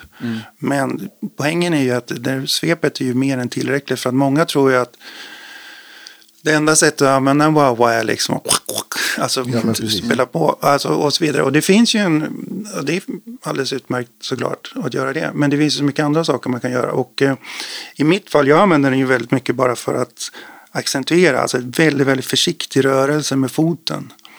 För att man kommer åt en viss typ av övertoner då. Alltså, Så att det blir mer som en annan sorts effekt. Och för just knyta an till Mick Ronson, han ställde den ju i ett läge. Just det. Och sen lät han den stå där. Det var nästan mer som en boost. Ja, precis. Och det Ja. blev, han fick sitt sound där igenom då. Men jag rör på den lite grann. Men sen så kan man ju... Och sen så kan jag ju i vissa sammanhang använda den mer på ett säga, traditionellt sätt. Men det finns ju bättre wower för att spela den typen av... Ja, vad, vad som förr kallades för porrfilms-wowa. Jag vet inte Ja, vad men man precis. säger. Ja. Ja, men, och jag tänker, ja men exakt, och jag tänker också att jag tänker det som två helt, det tycker jag mer är så här, ja men color sound. Mm. Och soundet liksom mer så här disco, liksom funk, wow, är något helt annat än, Mm. ja, än för rockgitarr Mm. på något vis. Men jag, eh, för att bara köra lite Babba-historia. Den kom på 60-talet förstår jag. Ja. Var, var Vox eller var Crybabyn först? Nej, så här är det. Att Vox. Det här är så som först. Alltså när Vox då tillverkade de första då de här. Som har ett grått chassi. Som är hammarlackat. De görs i London. Och det är det som Jimmy Page använde. Den wowan. Det här är 65 tror jag. Någonting sånt där. 66 okej. kanske något sånt där. Eh, det är ganska tidigt i alla fall. Och eh, de, de finns. De är, de, de, vi har ju testat sån också då. Och den, de, de har en, de ligger mycket högre i sitt frekvens. Alltså de är Svepet inte... är liksom högre ja, i precis. Ja, ja. exakt. Och de är inte så... Det är inte det kanske alltid så där harmoniskt tilltalande. Den är lite elak. Och så. Stickig Ja, lite stickig. Ja, precis. Sen så, så bör- påbörjas ju då tillverkningen i Italien av Yen. Och, den, och de gör ju både Crybaby och Vox wowerna. Och i början då, så att utvecklingskurvan är de första då, de tidiga då, de har pratat om här Clyde McCoy och de här som har då, det är ju, då använder de ju den här Halo-induktorn och så är den här ICAR-putten, det är de två viktigaste komponenterna då. menar Och, och många. nu är vi på Genfabriken. Ja, det var på järnfabriken. Men där var det ju, det de tog ju vad som fanns tillgängligt. Så var det slut på sådana här Halo-puttar. Så använde de Stack of Dimes då, som också är väldigt så här populär. Eh, sen så kom ju då den här Trashcan-induktorn då. Och den har ju också, den är avskärmad. Så den, är inte heller, den blir inte lika brusig och störig då. Så att det sitter, alltså det där den ser ut som en soptunna. Det är det som är hela grejen med den då. Det. Ja. Den är en upp och nervänd soptunna. Sen typ 70 så kommer ju de här fasel, alltså röd fasel då som är kanske den mest kända och sen kommer de här vit, finns ju vit fasel och gul fasel. Och sen finns ju också de här TDK som är som bara en, ser ut som en liten tensisask typ så att säga. Men eh, det man då försöker då, man, nu för det som man gör då, de gör de här autentiska så att säga vintage idag då, och det finns ju massa olika. Alltifrån eh, Area 51 och Venus Witch och eh, Castledine och alla de här. Är det, de, är det någon som du tycker kommer eh, närmare? Ja, men det var det jag skulle Ja, komma till. För mm, de, vill ju, de vill ju göra då Halo. De använder ju nästan uteslutande Halo-induktorn då. Och de kommer ju ganska nära en Clyde McCoy. på det sättet. Men de kommer ju inte nära den som, eftersom ingen användare gör med Trashcan. Men nu så pratade jag ju faktiskt med Filip bara igår och han är ju uppdaterad. Han säger att Vox kommer nu göra en egen vintage Ah. eh, reissue där de har verkligen gått till botten med det och de tänker satsa på den här Trashcan-varianten tydligen. Och det blir ju otroligt spännande då i så fall om det nu är så. Kul. Hur, hur, rent soundmässigt, hur, hur skiljer sig så här röd, vit, gul trashcan och de där? Går det att säga någonting gen- alltså generellt, även om jag antar att alla vabbor är lite individer? Ja, nej, men dels är de ju individer absolut. För det är ju inte bara de här sakerna som är avgörande. Men de är viktiga komponenter. Och eh, det finns... Eh, det finns någonting som jag tycker, som vi i alla fall har, både jag och Filip har upplevt då med den här trashcan varianten är att dels så kommer den åt det här som ja, Filip kallar det vattnigheten, kluckandet. men, men, men det som jag tycker framförallt är det här eh, klockliknande som den kommer åt. Alltså som är att den får, den, det blir en sorts, ett sorts övertonsregister som som inte, det är inte egentligen det som vi kanske normalt sett förknippar med när man, när man tänker, när man hör wow i huvudet. Så är det ju det här svepet och en viss... Och det ligger nog närmre egentligen då. Nu, är, man kan tycka att det är marginella skillnader, men det ligger ju närmre då det som är den ursprungliga då med Halo-induktorn då, än vad det gör den här Trashcan också med. Men det, det blir ett jävla sprill i ljudet. Alltså det poppar ut. Så när du använder det, också när du använder det ihop med fuss eller treble booster eller vad så kan du få en extremt rikt övertonsregister helt enkelt. Men den blir inte lika stickig som Nej, Halon? nej. Nej. Nej, men alltså Halon och de här, eller den, första, den allra första är ju inte Halo, den som är eh, den som tillverkades i London då. Den, det är nästan en, en egen typ av eh, konstruktion då. Så den, varför den, nu gör Castledine gör faktiskt en, eh, en eh, Reach, man kan köpa en replik, man kan köpa så här drop-in kit om man vill ha den här absolut tidigaste. Men det är inte den, men, eh, men annars så ska jag säga att eh, den här traskan har lite grann egen karaktär och framförallt så hur den kan accentuera vissa typer av toner och så där, hur man kan liksom röra den lite försiktigt så där så kan det hända ganska mycket grejer. Just det. Så att den är väldigt musikalisk i den meningen. Eh, en sak, nu har jag absolut eh, bara nosat på eh, Vabba-biten. Eh, eh, vi har liksom inte använt det med bandet någonting. Men, men det som jag upptäcker med många vabbor att det är ju det här svepet. Antingen hur stort det blir med någon bas och diskant. Eller men också hur de ligger i registret. Jag har personligen inte gillat när vabborna har blivit för mörka i registret. För när man liksom trampar dem neråt så blir det som att, de, att det liksom inte blir någon ton kvar från gitarren. Att man nästan behöver. Men man gillar ju inte när de kanske är för brighta heller. För då blir de ju så här. Eh, slår lock för öronen tänkte jag säga. Men inte riktigt. Utan det är väl en balans där med, med vad man vill ha själva spe, svepet också. Ja, men precis. Och det där är ju också lite grann som alltså, när jag nämnde sist att jag använder ju aldrig volymen på 10 men jag trampar ju heller nästan aldrig wowan i botten. Ja, just det. För det, där blir det för det blir för mycket av det goda. Mm. Men just i kombination med allting annat. Då, så, så att det, men sen tycker jag, om man pratar wow sound jag är ju extremt förtjust i Steven Stills Manassas till exempel. Mm. Och det låter som att han faktiskt har en, en box wow med trashcan. Men det, ska, det kan jag inte... Det låter så. Ja, jag tycker det.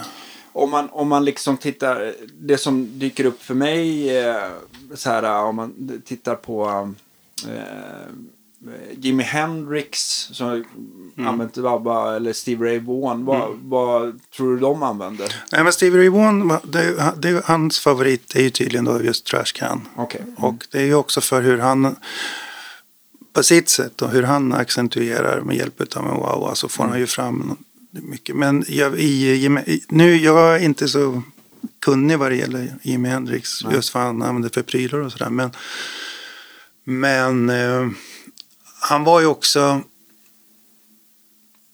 han, han, han var ju samtida med när de här sakerna kom. Mm. Så att han spelade nog också mycket på det som fanns tillgängligt. Precis, jag försöker komma på vilken är den första Hendrix-låten med Wow? Är det If Six Was Nine eller?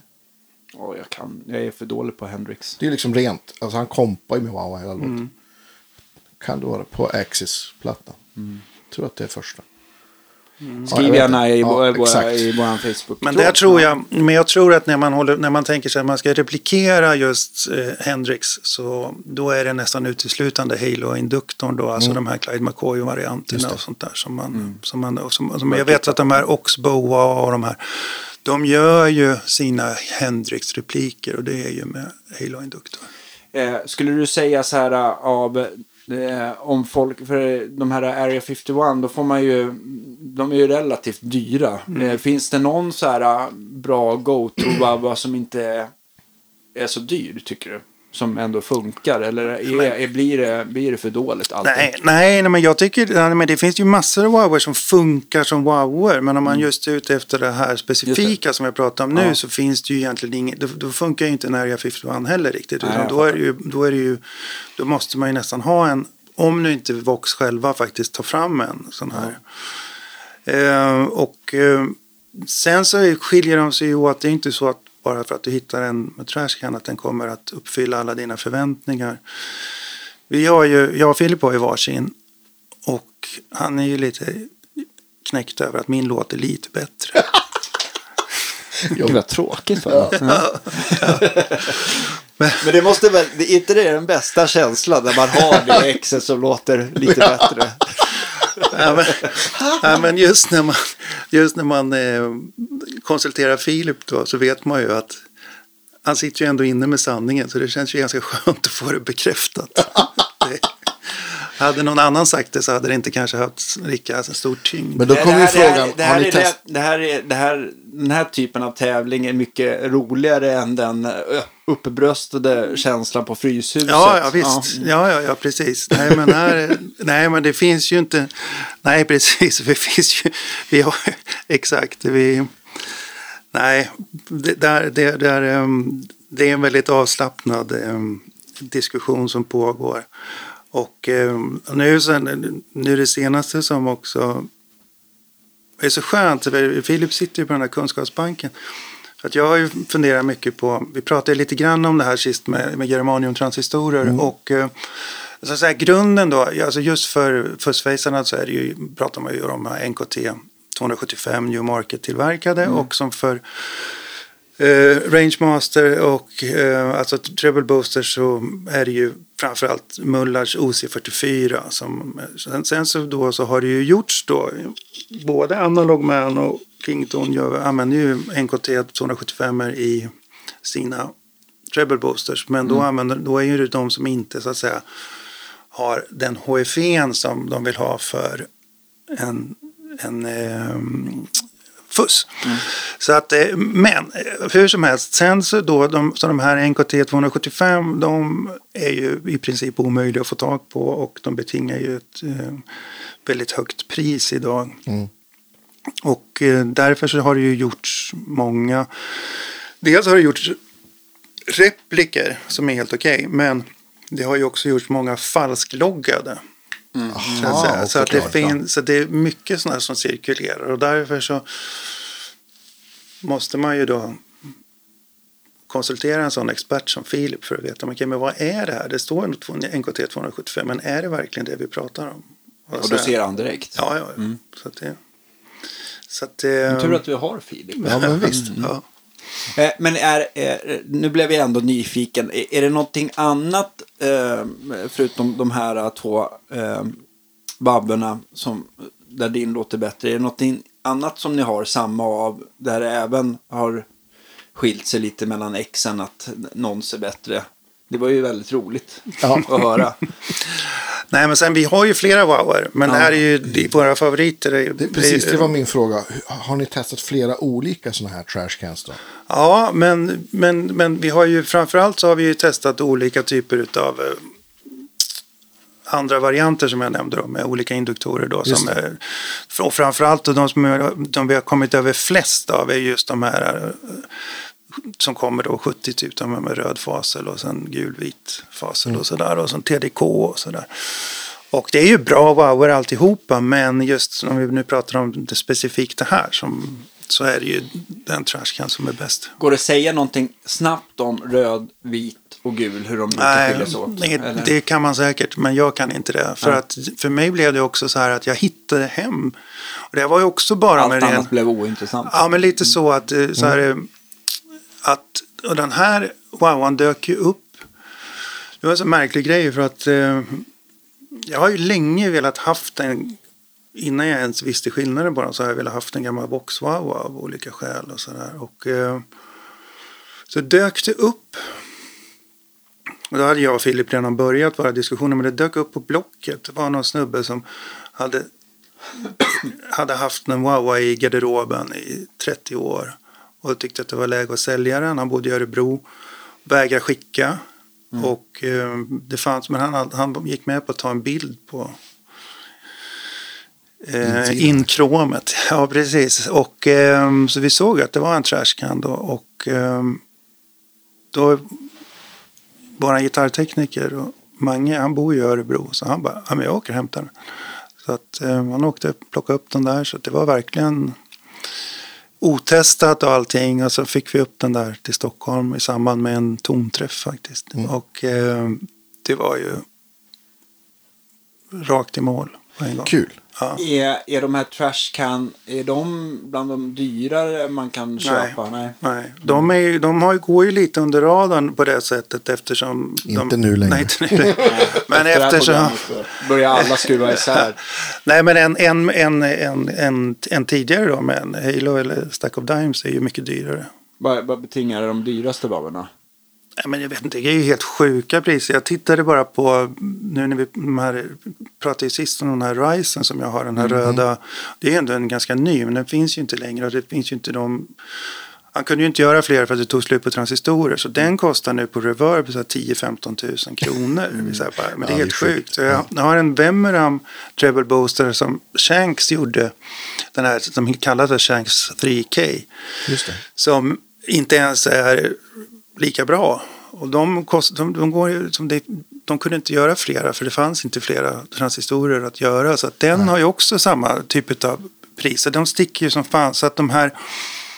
En, eh, på reverb, om man nu som jag, egentligen är ju bara det någon form av vag indikation då. Men då kostar ju de här wowarna kanske från 5 000 och uppåt. Men om du ska köpa en jag betalar 2 000 spänn för min och jag menar det är ju man tycker att det är ändå rimligt där någonstans. Men sen Absolut. så, så drar det liksom iväg och folk tror att de ska få så mycket. Men jag menar i Sverige så är det nog svårt att sälja en Wawa för en 60-tals Wawa för mer än 3 500 kanske. Ja. Hur, hur är det för att kolla eh, att, det var, att det ska vara värt att kolla upp sin gamla vabba som man har i garderoben sedan 30 år. Eh, för att det ska kunna vara en sån här trash can. Eh, hur känner man igen dem på utsidan? Att det eventuellt men- skulle kunna vara. På utsidan är det ju nästan omöjligt förutom att se då att det finns en sån, alltså på de gamla Wawarna så, så har du ju den här vita liningen så att säga ut med, ut med kanten då. Det är ju en första indikation på att det är en äldre Wawa. Men Och det ska vara en box.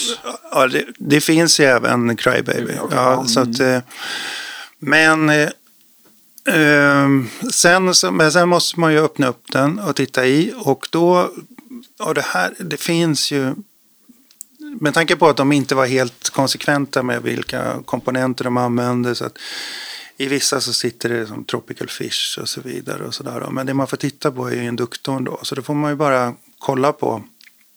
Och det ser man ju ganska snabbt då. Om det nu är, nästan alltid när du öppnar den så är det ju någon form av någon, någon fas, alltså en röd, en vit eller någon. Det är nästan det vanligaste när man öppnar en gammal Wawa. Så att eh, på undersidan så det finns ju de här picture men alltså normalt sett så måste man ju öppna upp och titta i och så ser man då vad det är för någonting som sitter. Just. Just det.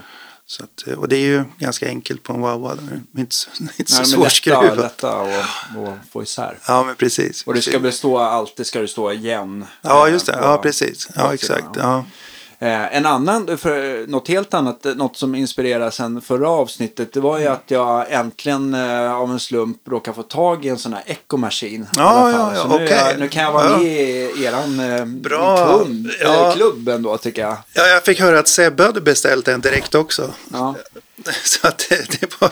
Ibanesa? Ja, ja, precis. Ja, det, jag, eh, han håller ju på, jag har inte träffat honom på ett tag. Han håller på att spela in en ny skiva med, med Thomas tror jag. Men eh, nej, han har tydligen eh, bestämt sig. Nu måste han gå till botten med det här. Så han köpte en, eh, en Echo Machine också. Ja. Jag har faktiskt, eh, efter, vi pratade lite om statisk elektricitet sist. Och jag bestämde mig för att eh, skicka en Echo Machine till Johan på Hardy Pedals för en rehouse. Ja. Och han gör ju han gör ju den här XTS rehousen fast nu, jag sa att jag behöver inte ha den här modulationsknappen för, eh, för studsarna utan jag nöjer mig med, med, med att den ska låta, den ska låta, eller nöjer mig, men jag vill att den ska låta som den, som den gör när den är på. Men att med, med true bypass och liksom nya jack och så vidare. Och så där. så att den får jag förhoppningsvis ganska snart. Och då passar jag också på, det är ett annat tips här om man nu pratar om plastpedaler. Vi pratade lite grann om oktavfussar och så här, men vi kommer ju aldrig in riktigt på superfussar. Oh. Och eh, där finns ju, alltså Kinney har ju, det finns ju hur mycket som helst och de gjorde ju Screaming Sister är ju en, en reissue som de gjorde som är väldigt, väldigt bra. Men nu är det så att Beringer, den billigaste av alla, de har ju den här SF300 som Precis. superfussen, den orangea. Det låter jätte, jättebra. Men den är ju väldigt lätt att ha sönder och särskilt en- till skillnad från ett delay som du kanske inte håller på att trampa så mycket på som en femma då.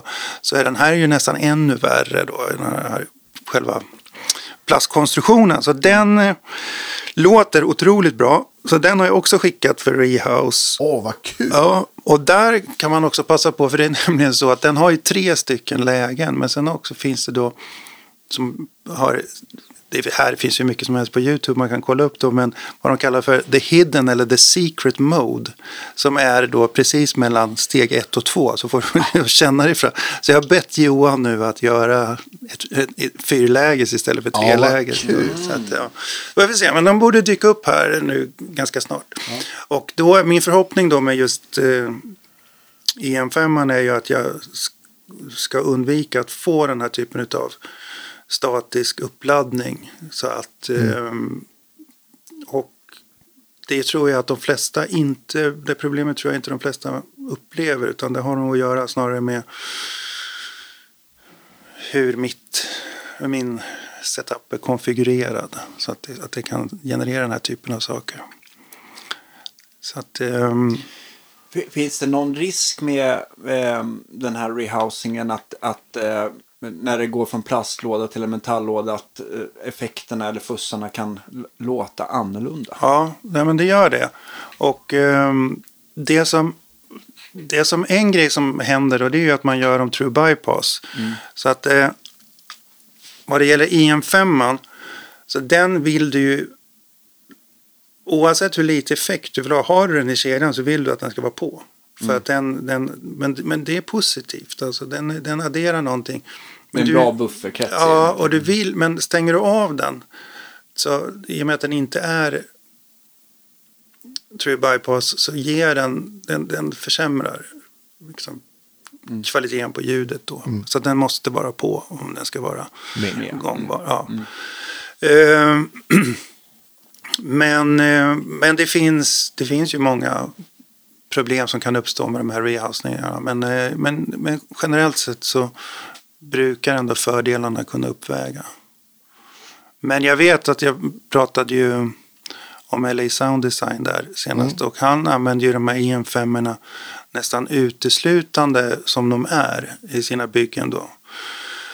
David Phillips. För att han har ju mycket kontakt med XTS då i Nashville och de gör ju även eh, en del andra pedaler som han använder sig av. Men han, eh, det är sällan han använder den här rehousade varianten som ändå har blivit ganska uppmärksammad då.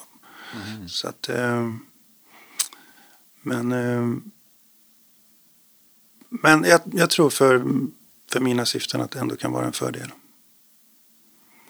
Ja, men jag tänker så roadworthiness är väl en, den uppenbaraste. Liksom. Ja, ja, absolut för den skull. Men just det här med den statiska elektriciteten Ja, det, som, ja, eh, som, jag kan, som jag hoppas på att jag ska... Att jag, Ja, att du inte behöver vara på den hela nej, tiden, Och min, giss, nej, precis, och min, men min eh, gissning är ju att det byggs upp på grund av plasthöljet helt enkelt. Då, den här.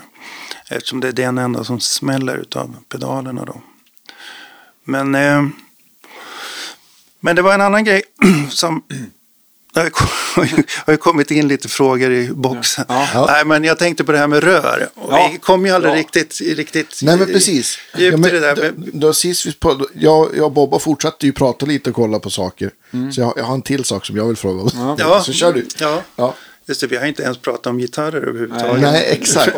Men, men det jag skulle säga där med rör, det är inte bara så här att de här och de här låter bäst, utan det handlar alltid om konfigurationen. För att du håller på och testar och så byter du, om nu pratar i försteget då.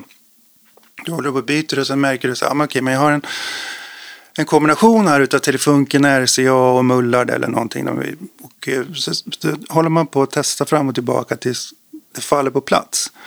Och problemet med det här det är ju det att om ett rör skjuter så kan du inte bara byta ut det och här, hitta ett likvärdigt utan då måste du börja om lite grann.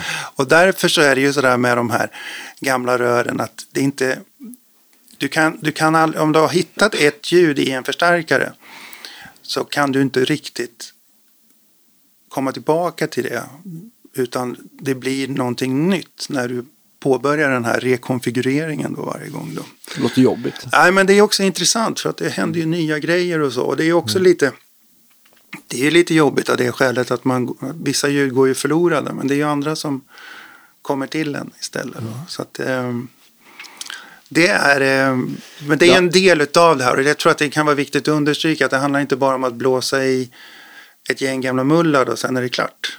Och det här gäller särskilt Fenderstarkare och sånt. Och som som ehm, man kan hålla på och experimentera med på olika vis. Då. Men sen, se- så att nu sitter det ju, men jag har ju Marshall-starkare som det sitter både RCA och Telefunken i, inte bara mullard i dem. Men jag har också GZ34 försöker jag uteslutande ha eh, i både Vox och i Fender försöker jag ha eh, en mullard.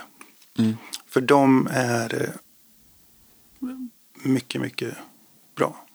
Eh, för jag tänker också G34 som är ett likriktarrör. Är det för de lämnar väl kanske lite olika spänningar då till förstärkaren. Ja, och, och, och det, som, det som slår mig är väl att, att de äldre lämnar väl mindre spänning än de som görs nya idag va? Ja, men jag tror, men det som, det som jag tror är den viktigaste aspekten är att de är så otroligt mycket tåligare för fluktuationer i spänning. Jaha, Alltså, att de är... Att ja. de är Så att, de, så att det finns, och de gjordes ju, det här som Andreas var inne på i, i början där, att den här kvaliteten, det, fanns, det var ju inte, de byggdes ju inte för att de skulle så att säga funka så bra som möjligt i en förstärkare utan de byggdes ju för att de skulle kunna fungera i laboratoriemiljö och inom eh, Hjärt- och militär, Ja, inom det militära och så vidare och så där. Och därför så är ju spesarna, de, de är ju otroligt välbyggda. Det är därför man kan använda så att säga, mullarrör som har gått ganska många timmar så funkar de ju fortfarande bättre än mycket av det nya. Mm. Och eh, så att eh, där, men, men, sen, blir, men sen, sen får man ju då hålla på och laborera just i, försteget så kan man ju hålla på ganska mycket med, med olika typer av då för kanske framförallt då 12 AX7 då och se vad man tycker funkar bäst och sådär.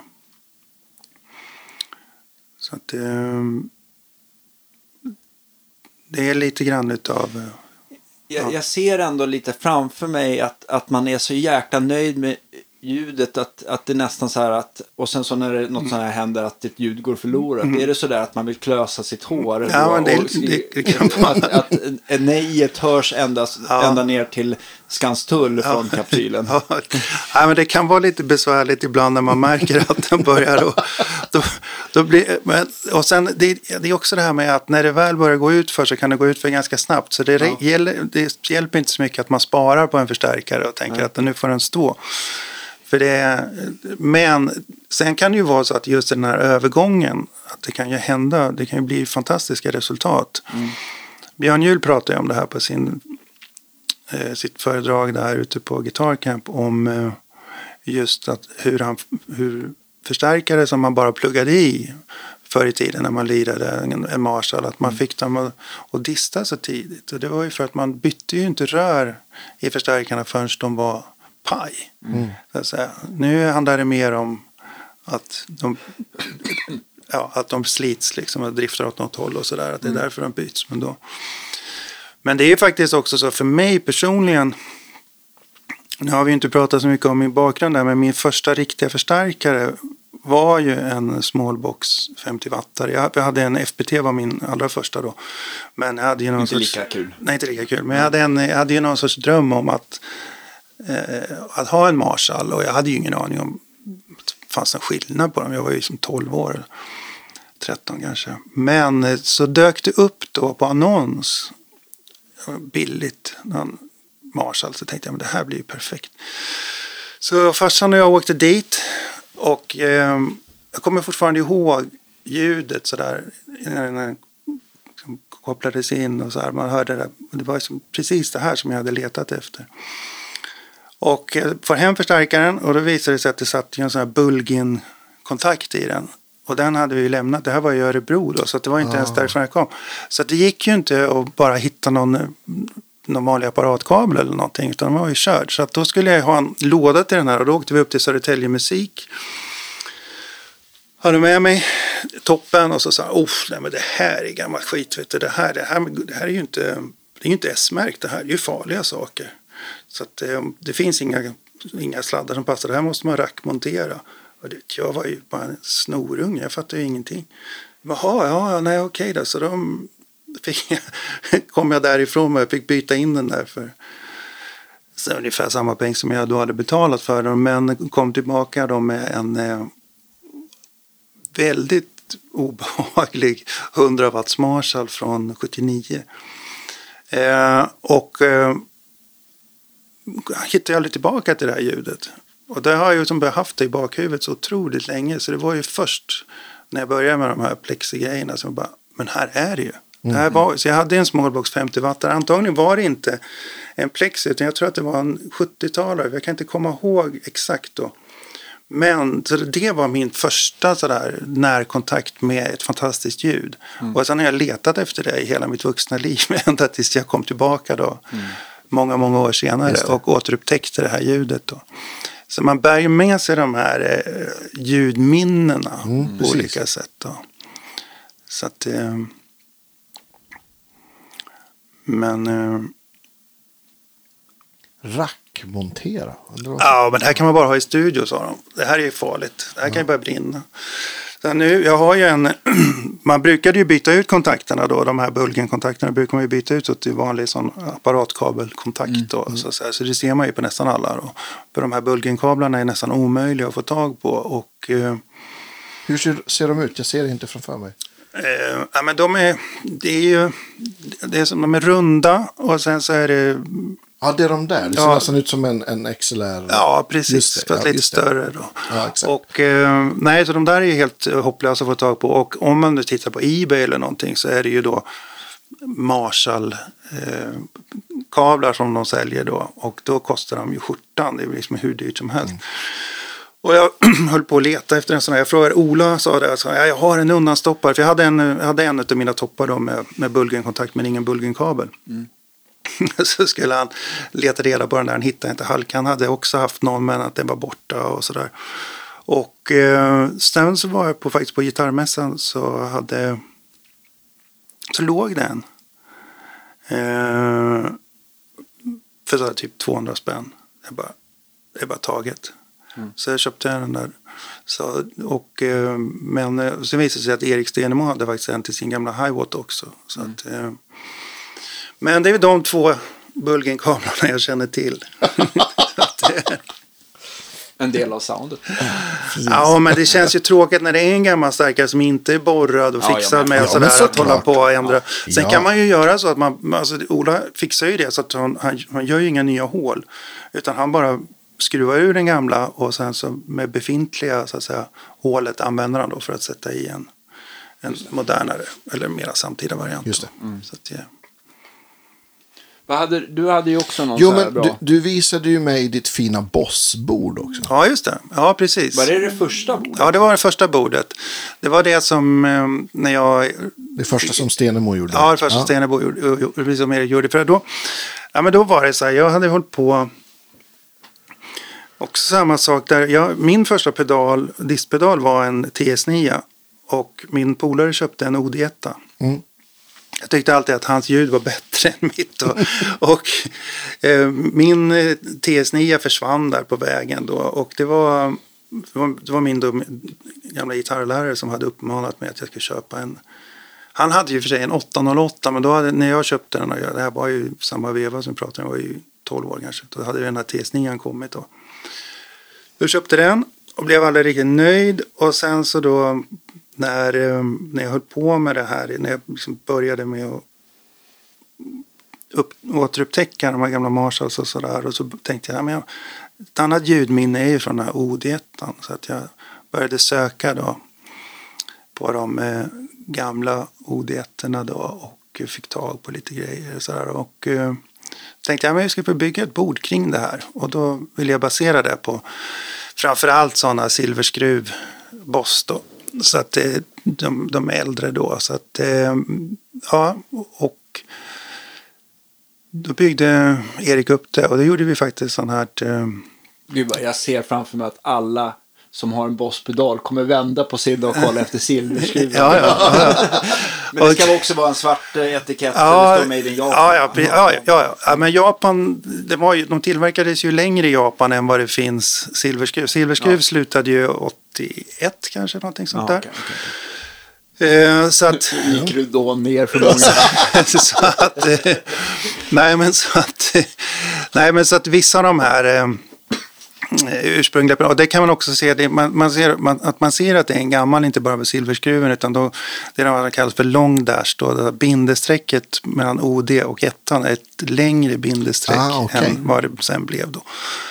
Så att, eh, men det finns ju flera då som är silverskruven. Det är ju inte bara eh, just OD1. Det finns ju till och med SD1 finns ju som silverskruv. Men det var den sista som gjordes med silverskruv. Alltså första generationen Just SD1. Då. Eh, och eh, de, samma, det första delayet där. När det kom, det kommer ju samtidigt som de slutade med silverskruv. Men nu när de gjorde Vasakraft reissuen så gjorde de det med silverskruv fast den faktiskt aldrig har funnits med silverskruv. Ja, Men, eh, men, de, ja, precis. men de övriga har, de övriga av deras reissues har, som de gjorde just i den serien, där, de har de fanns med silverskruv. Då. Men, ehm, men det, de låter ju olika då beroende på att det sitter andra chip i och så vidare. Och, så där. och sen när folk de säger så här, ja men hur stor skillnad är det då? Man kan ta ett annat exempel var när, eh, när, jag, när jag började spela med helikopter så hade jag, då använde jag, hade jag en gammal rattpedal som jag använde ganska mycket.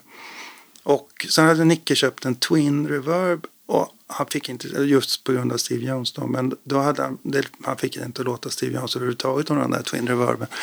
Så då fick han låna min Rat. Och så tyckte han, ja men nej, det här blir bra. Det blir inte det, exakt det, men det blir någonting som jag verkligen gillar då.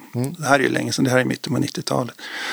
Och eh, sen gick det en tid så sa han, ja men du, det, jag såg här de på Lutman här, nu har de ju så här rättpedaler så jag, jag köper en egen istället så behöver jag inte låna din längre. Då bara koppla in så, fan det här låter ju inte alls lika bra.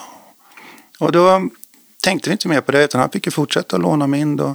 Och sen så blev det ju andra grejer istället och sådär. Och sen många år senare då så när man blev, då fick mer då insikt i just det här med, med de här. I det här ska ju sitta en LM308 eller vad de heter som är de ursprungliga. Då. Och i min gjorde det det och hans gjorde det inte det. Och det var ju det var ju bara det som var skillnaden. Så det är klart att det påverkar och då hade vi ingen aning. Så här, nu kan man ju tycka så här att, att det finns en viss typ av eh, nörderi kring de här sakerna, att skillnaden är så liten. Men då när vi inte ens förstod att det kunde vara Så var olika så solklar var det en solklar skillnad. Ja, men precis. Så att, och eh, sen är väl den skillnaden kanske olika stor för beroende på vem det är som lyssnar och så. Men, eh, Men hur som helst, så det här, vi gjorde då det här, eller, jag hade då en idé om vad jag ville göra med det här bossbordet och sen så gjorde vi då också en sån här dry wet lösning på det. Så det är lite roligt. Så att, eh, det är, Alltså att man förbi, eller att eh, någon av effekterna bara går till... Eh, Ja, just det. Alla, all, precis. Alla man- blöta. Ja, precis. Så då kan man... Men det är, det är ett väldigt bra bord. Jag började faktiskt nu efter vi tittade på den där sist, så jag pratade med Erik häromdagen. Så ah, vi kanske ska kolla på det där lite igen nu här, för att det är inte så dumt. Det är, Kan du skicka en bild på det? Kan vi lägga ut det? ja, ja. vad, vad är det på det bordet? Nej, men då är det en, då är det en OD1, en eh, SD1, en GE7. Jag skulle gärna ha en GE6, det är ju Silver Screw då, men jag har inte fått tag på Och någon då sån är det väl egentligen en G7 utan levelkontroll va? Eller? Nej, det är, det är ju någon form av level där, men den har ju...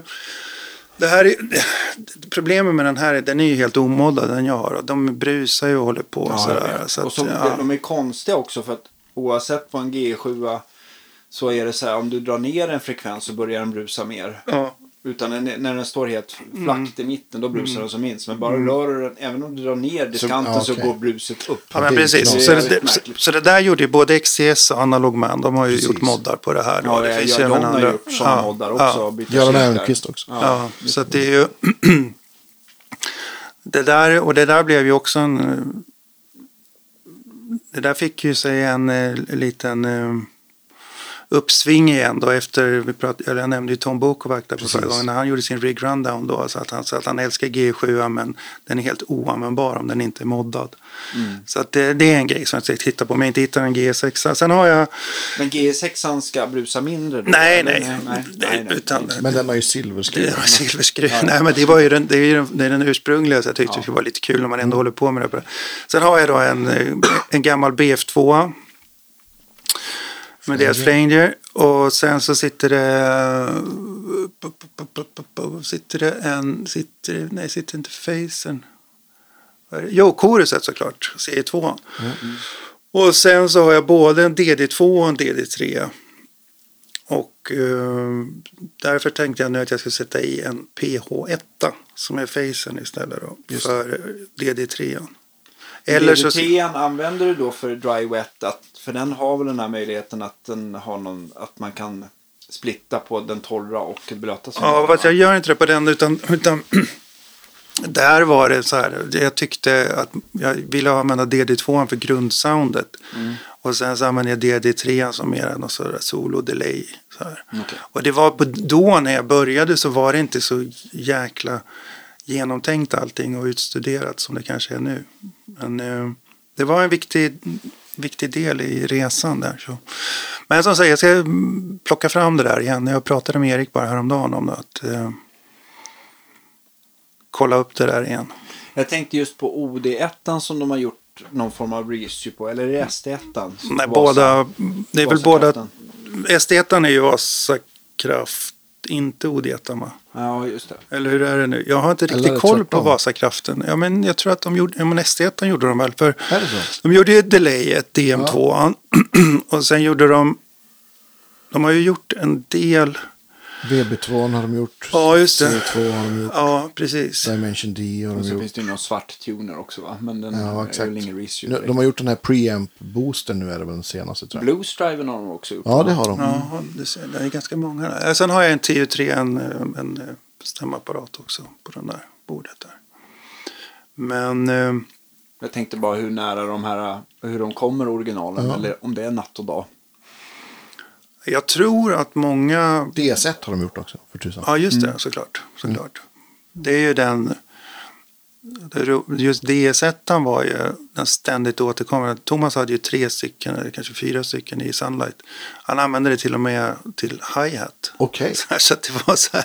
Det var, han använde Alltså det inserten på ja, bordet. använde, ja, alltså han Fan, hade de där alltså. DS1 hela tiden. Alltså det var till allt möjligt. Det var hans absoluta favoritpedal. Ja. Så att den, eh, den var till sång. Ja, men du vet, det, där var, den, det var kanske den, den viktigaste komponenten där. Som, eh, Coolt. men eh, ja.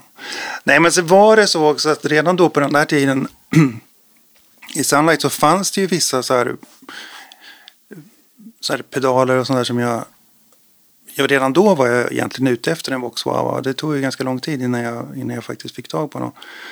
Och eh, det fanns ju någon sorts här grundideal kring ljud som på många sätt fortfarande finns kvar mm. än idag. Då. Och nu har jag ju haft möjlighet att testa på ett helt annat sätt än vad jag mm. gjorde då på den tiden. Och det där är ju någonting som också återspelades väldigt mycket i de gitarrer som jag har. Jag använder ju inte någon gitarr med vanlig handbacker till exempel. Utan, Just det. Så det är ju antingen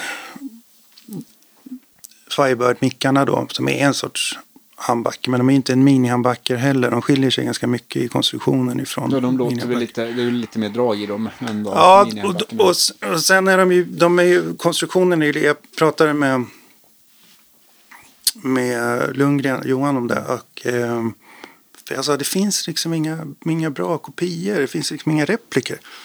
Det är lugnt, så jag har knäckt koden. Jag, lös, jag löser det här åt dig. Och så um, mätte han upp en av mina gamla. Mm. Och så gjorde han en, då, en likadan då. Och den ska konstrueras på något visst sätt för att man ska få fram det här. Så den satte jag i, den enda, jag har ju en ny, ny Firebird och det är den här Joe Bonamassa Uh, enmickade? Enmickade som kom då. Som, uh, så den, men däremot, den, så den låter, låter bra, men däremot så var den helt ospelbar. För det är så jobbigt med den här plastlacken och sådär. Det funkar inte. Så nu är den uppe hos Berg Guitars för att ta bort lacken och mm. ja, fixa till den och sådär. Så den, så det är väl enda nya. Sen har jag en gammal 1 från 63 då, som är på många sätt en fantastisk gitarr. Och de, den låter ju annorlunda. De, de är ganska olika de här ändå. Då, och det har ju att göra med hur Alnico har åldrats och det finns liksom olika mm. anledningar till att gitarrer. Men det, viktiga, det viktigaste med en, en Firebird, och det gäller ju egentligen alla gitarrer, det är ju att de är extremt resonanta mm. rent akustiskt. Mm. Så att de verkligen, du ska verkligen uppskatta att sitta i soffan med dem. Mm. Mm.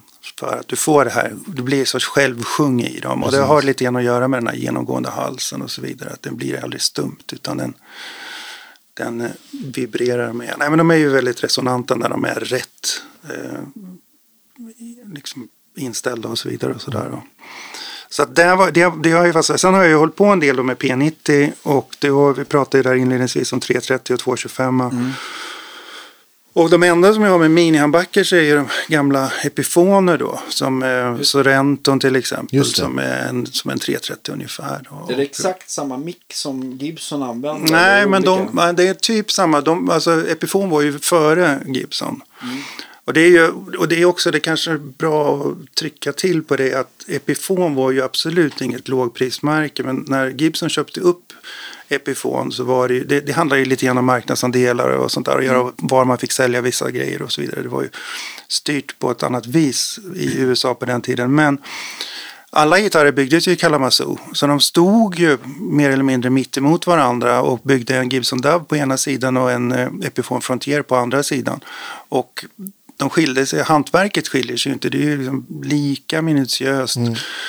Det som skiljer är lite grann träval och utsmyckning. Och Frontiern både låter och ser ju bättre ut än, än um, Gibson Dub till exempel. Mm. Och, det är ju, och det var där när vi slutade sist. som jag sa, ja, men vi får ta den historien nästa gång. Men just Gibson, Gibson eh, Dub är ju väldigt välkänt och välanvänt. Men den som först kanske lyfte Epiphone Frontiern var ju Graham Parson. Mm. Och han eh, spelar ju nästan helt uteslutande på den där. Och han lärde sen, eh, så går historien i alla fall, att det var han som lärde Keith Richards att spela akustisk gitarr. Och när de skulle spela in Exile on Main Street eh, i Frankrike så kom Graham Parson dit på besök, hade med sig gitarren. Det finns bilder därifrån då när Mick Jagger och de sitter där med, med, med den här Epiphone Frontiern. Sen så är det då eh, Eh, en diskussion kring huruvida Mick Taylor faktiskt ägde en Epiphone Frontier eller inte då. Eller om det är Graham Parsons som han, som han faktiskt spelar på. Men sen så då så har ju den här gitarren eh, figurerat på massa olika sätt så här, senare då som eh, jag nämnde ju sist där Tom Petty och sen Noel Gallagher spelade ju in Wonderwall på den där tydligen och så vidare. Men det är en helt fantastisk gitarr och det som skiljer den då ifrån en Gibson Dove är ju att det är lönn i botten så att det blir ett annat skjut i den. Och därför så man, när man spelar på den så vill man gärna sitta med örat nära eller ljudhålet. Här, För att det blir, det blir en kompression och tryck i den. Så. Men eh, senast nu bara för tre, fyra dagar sedan så gjorde Tom Bukovac ett av sina han gör ju inlägg varenda dag, men då satt han just med en Epiphone Frontier och förklarade Ah, vilken, vad han tyckte liksom, vilken fantastisk akustisk gitarr det är och så vidare. Och det är det. Den, är- den, är- det är den som jag alltid använder som Inspelningen. Kommer inspelningsgitarr. skjuta i höjden ytterligare efter både det här avsnittet och Det- boken. Ja, precis. Nej, men så den, den, den var ju länge en sådär, lite en sleeper. Men nu har ju den stuckit. Den har ju inte, det finns ju vissa epifoner som har legat högt i pris eh, sedan länge. Och det har ju med Paul McCartney att göra. För att han, dels då, för, alltså när vi pratar akustisk gitarr, han hade ju sin Texan då. Men sen också Epiphone Casinon har ju varit mycket, mycket dyrare Precis. än eh, Rivieran till exempel. Eller en Sorrento. Så att Sorrento den för bara några år sedan så kostade den ju inte mycket alls. Men nu så har den ju stuckit Vad lite är det grann. som skiljer? För Sorrenton är väl lite mer utsmyckad än, än eh, Rivieran. Annars är det inte så stor skillnad. Nej, men alltså när det kommer till de här halvakustiska så tänker du på, alltså Sorrenton är ju, det är ju den som är som en 330 ungefär då, och den har ju ingen, Mittstock. ingen mittstock. Rivieran inte har kasin- mittstock. Casinon har väl ingen mitt? Den Nej, är väl mer som en 330. Den är också mer som, den har inte heller mittstock. Men sen så Rivieran har mittstock och sen har, tänker du nog på Sheraton Ja, just som det, just är, eh, Just den är mer utsmyckad då. Ja, just det. Just det. Och sen eh, Frontiern är ju mycket mer utsmyckad än eh, en, en, Texan. en, en Texan till exempel. Och eh, de har, gjort, de har ju gjort lite olika modeller där. Men deras, Rivieran är ju deras 330 335 fast den har mini-humbuckers istället för... Och så har. Sheraton också. Eller har den fullstora? Nej, Nej. den har också... Och, der, och sen så var alla deras plankor har ju. Det säger jag inte säger för mycket, men de har väl mini-humbuckers allihopa va? Ja, det finns väl någon P90. Jag tänker om inte Sesse har någonting sånt där. Ja, kanske har de någon P90 där. Ja. För det som annars var skillnaden. De gitarrer som, motsvarande gitarrer som Gibson gjorde med P90 så sitter det ju generellt sett mini-humbuckers Just på, på, Det på kan ju vara att någon har bytt också. Det är ju Ja. samma fräsning. Ja, ja, visst. Mm. Nej, men, men hur som helst, det här är ju otroligt bra gitarrer då fram till... Eh, sen händer det ju någonting. Jag, jag kan ju tycka... Utan att... Jag, kan, jag tycker väl generellt att Gibson fram till 64, 65. Sen så börjar det bli det smalare halsar och så vidare. Sådär. Eh, men Epiphone, de var också ganska tidiga med att göra lite smalare halsar. Men där finns det exemplar fram till 66 i alla fall. Som är väldigt, väldigt bra. Sen efter det så, jag vet inte. Det är ju... Det blir lite svårare med gitarrer överlag där. Ja, precis. 67 Sen så tar det ett tag in på 70-talet Ja. innan halsarna Ja. får lite bredd. Och... Nej men precis, precis. Men annars är ju min, när det kommer till akustiska gitarrer så annars är min kanske, eh, som, det är ju en annan typ, en annan karaktär. Men det, jag har en LG2 från 54 Just det. som låter osannolikt bra. Ja, de är fina. Ja, Alltså. och just där 54 är ju sista år, det här är tidigt 54 då. då efter det så har, blir det tjockare lack och det blir det större plektrumskyddet och så vidare. Så, här. så det här, det. det är, de pikar lite grann där. Men de körde väl alltid, nu ska vi se så vi håller så här, men de, har inte, de gjorde väl inte som Martin att det var det här X- X-bracade utan det är väl alltid... Jo, den är det- okej. Ja, Mm. det är den. Så, att, eh, det, så det här var ju, alltså LG2 var ju en skolmodell. LG1 är ju inte. Mm. Nej, den är väl leather bracer. Precis, precis. Men LG2 är och Så den, det är en, på många sätt en, det är en fantastisk gitarr. Den har en sån enorm ton. Men det som är så bra med till exempel Frontiern är ju att den, till skillnad från en jumbo eller någonting sådär, så tar den inte sådär jättemycket plats i spektrat. Utan den är otroligt lättanvänd i inspelningssituationer. Ja, just. För att den har precis det här fre- frekvensuppfånget som är användbart. Just det. Sen kan du ju sitta och spela lägre elgitarr på en SJ200 eller någonting sånt där. Men LG2, den, den har, den, den, den är lite kraftigare i ljudet men den har ett jävla sjung och funkar väldigt, väldigt bra till... Alltså, det kanske inte är den man sitter och, och kompar med som jag sa där, alltså när man vill ha en sån här Ziggy Stardust-gitarr. Utan Nej, utan, precis. Utan det är, Ja, den är lite middigare och Ja. mindre sound. ja, så att det, Hur brukar du vilja micka upp dem där? När du spelar in? Jag testar lite olika faktiskt. Och eh, det som, när du har, ja det kanske låter lite konstigt, men när du har en väldigt bra akustisk gitarr så micken spelar lite mindre roll än vad man kanske tror. För att det är en, det är mer om du vill ha någonting specifikt. Att du så att säga, behöver hålla på och testa olika typer av mikrofoner och sådär. Men om man kör med till exempel en, U, en U87 eller någonting så blir det ju generellt sett alltid väldigt bra tycker jag. Just det. Men det kan ju också vara, eh, jag tänker på ett akustisk gitarr som inte har samma ljudtryck som en som en eh, Marshall-stack så, så kan det ju vara rätt schysst med en större stormembraner för att det blir väl lite mindre Också lite beroende på ja, men vad, vad gitarren ska ha för funktion. Alltså KM84 är ju också, alltså en sån om det är liksom i en stor ljudbild. Kan ju vara jättebra också. Ja, absolut. Eller en 57 eller en sån här typ SM. Ja, Kan också vara bra, Ja, men tycker jag. precis. Nej, men faktiskt nu när vi, det sista gången, senast när jag spelade med Frontén så testade vi faktiskt med KM84 först. Mm. Och, eh, men valde ändå att köra med en eh, U87 sen. Men, eh, men absolut, det är en... Eh, men det där är också lite grann beroende på vart ska den få plats och vilket sammanhang ska den spelas i. Så när det är, för det är ju det är en viss typ av...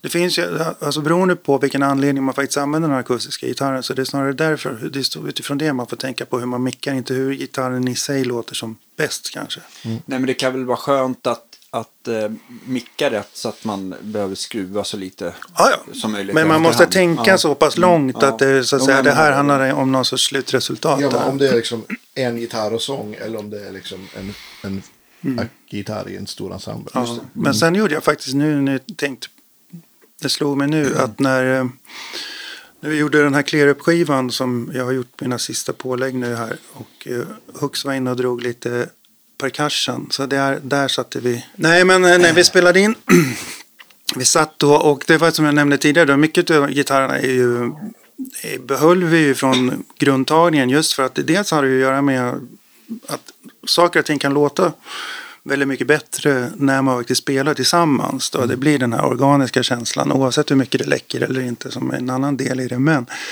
så istället för att dubba gitarrerna, med, alltså lägga elgitarr så var det Chip som föreslog. För jag hade en idé om att man skulle istället testa att bara köra akustisk gitarr. Och så sa han så, ja men vi provar på en låt. Och så gjorde vi det. Så jag spelar exakt likadant på akustisk gitarr som jag gör på elgitarr. Aha. Och verkligen liksom dubba rakt av.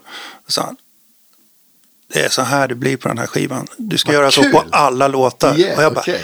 är inte klok? Det, blir, det, det är ju nästan omöjligt att sitta och spela de här riffen och, Ja, det. och så här. Eller vad det är.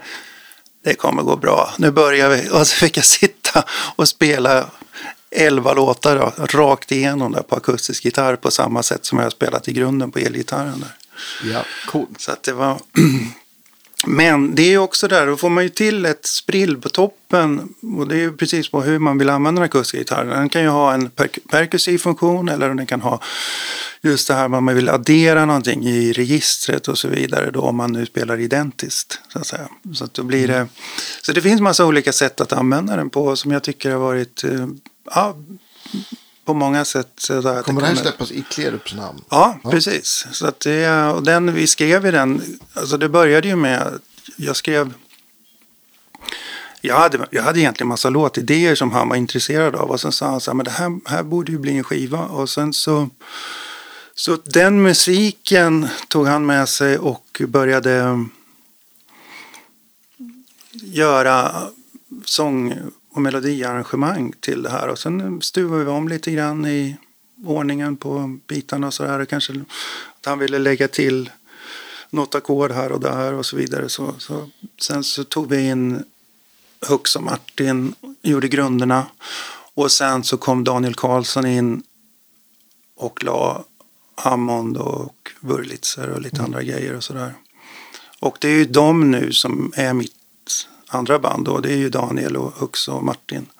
Och den skivan har vi kommit halvvägs med nu då. Så att eh, Säg igen vad det bandet heter. Penny Arcadia. Just det. Så att eh, förhoppningsvis så ska vi fortsätta med inspelningen nästa vecka. Nu är ju Martin är ute med Staffan Hellstrand och den turnén pågår ju ända fram till mitten på mars tror jag. Så att det blir att vi får hitta lite luckor i veckorna och sådär. Och sen ska det vara ledigt på kapsylen också. Precis, precis. Det ser vi fram emot. Verkligen. Jag hade någonting bra att säga. Men han kanske kommer köra all Aki-gitarr som han har spelat in genom en DS-etta. det kan vara så. Kan vara så. kan vara så. Ja. Ja, nej men stort, det var otroligt eh, roligt eh, avsnitt igen. Oh, ja. Jag tror att folk kommer bli... Jag har också hört av sig folk och frågat sen, när kommer del två? Ja, nej, det är eh, ovanligt mycket Ja. pepp tycker jag. Mm, gillar detta. Nu kommer jag väl fråga efter del tre istället. Ja, exakt. Ja, Ja, men vi, vi pratade om något, en, en grej som vi kan ta sen. Nu är vi färdiga som, Ja. som mer. Som inte folk får höra. Nej, inte nu i alla fall. Men sen. Men stort, och stort tack alla våra Patreons. Vi, eh, vi älskar er. Ja, Det är snart cykelsäsong. Jag har fortfarande planer på att åka till Polen. Du, du kommer ihåg att det försvann Patreon när, vi, när du. Ja, när det, du. Mm. nämnde de där sakerna. Så att jag, jag tänkte lägga alla pengar på, eh, Ja, på, på effektpedaler i alla fall. Bobba, stort tack än en gång. Sjukt kul. Ja, tack ska ni ha. Vad kul. Indrivan, mycket bra. Ja. Fett. Ha det bra. Ha det bra.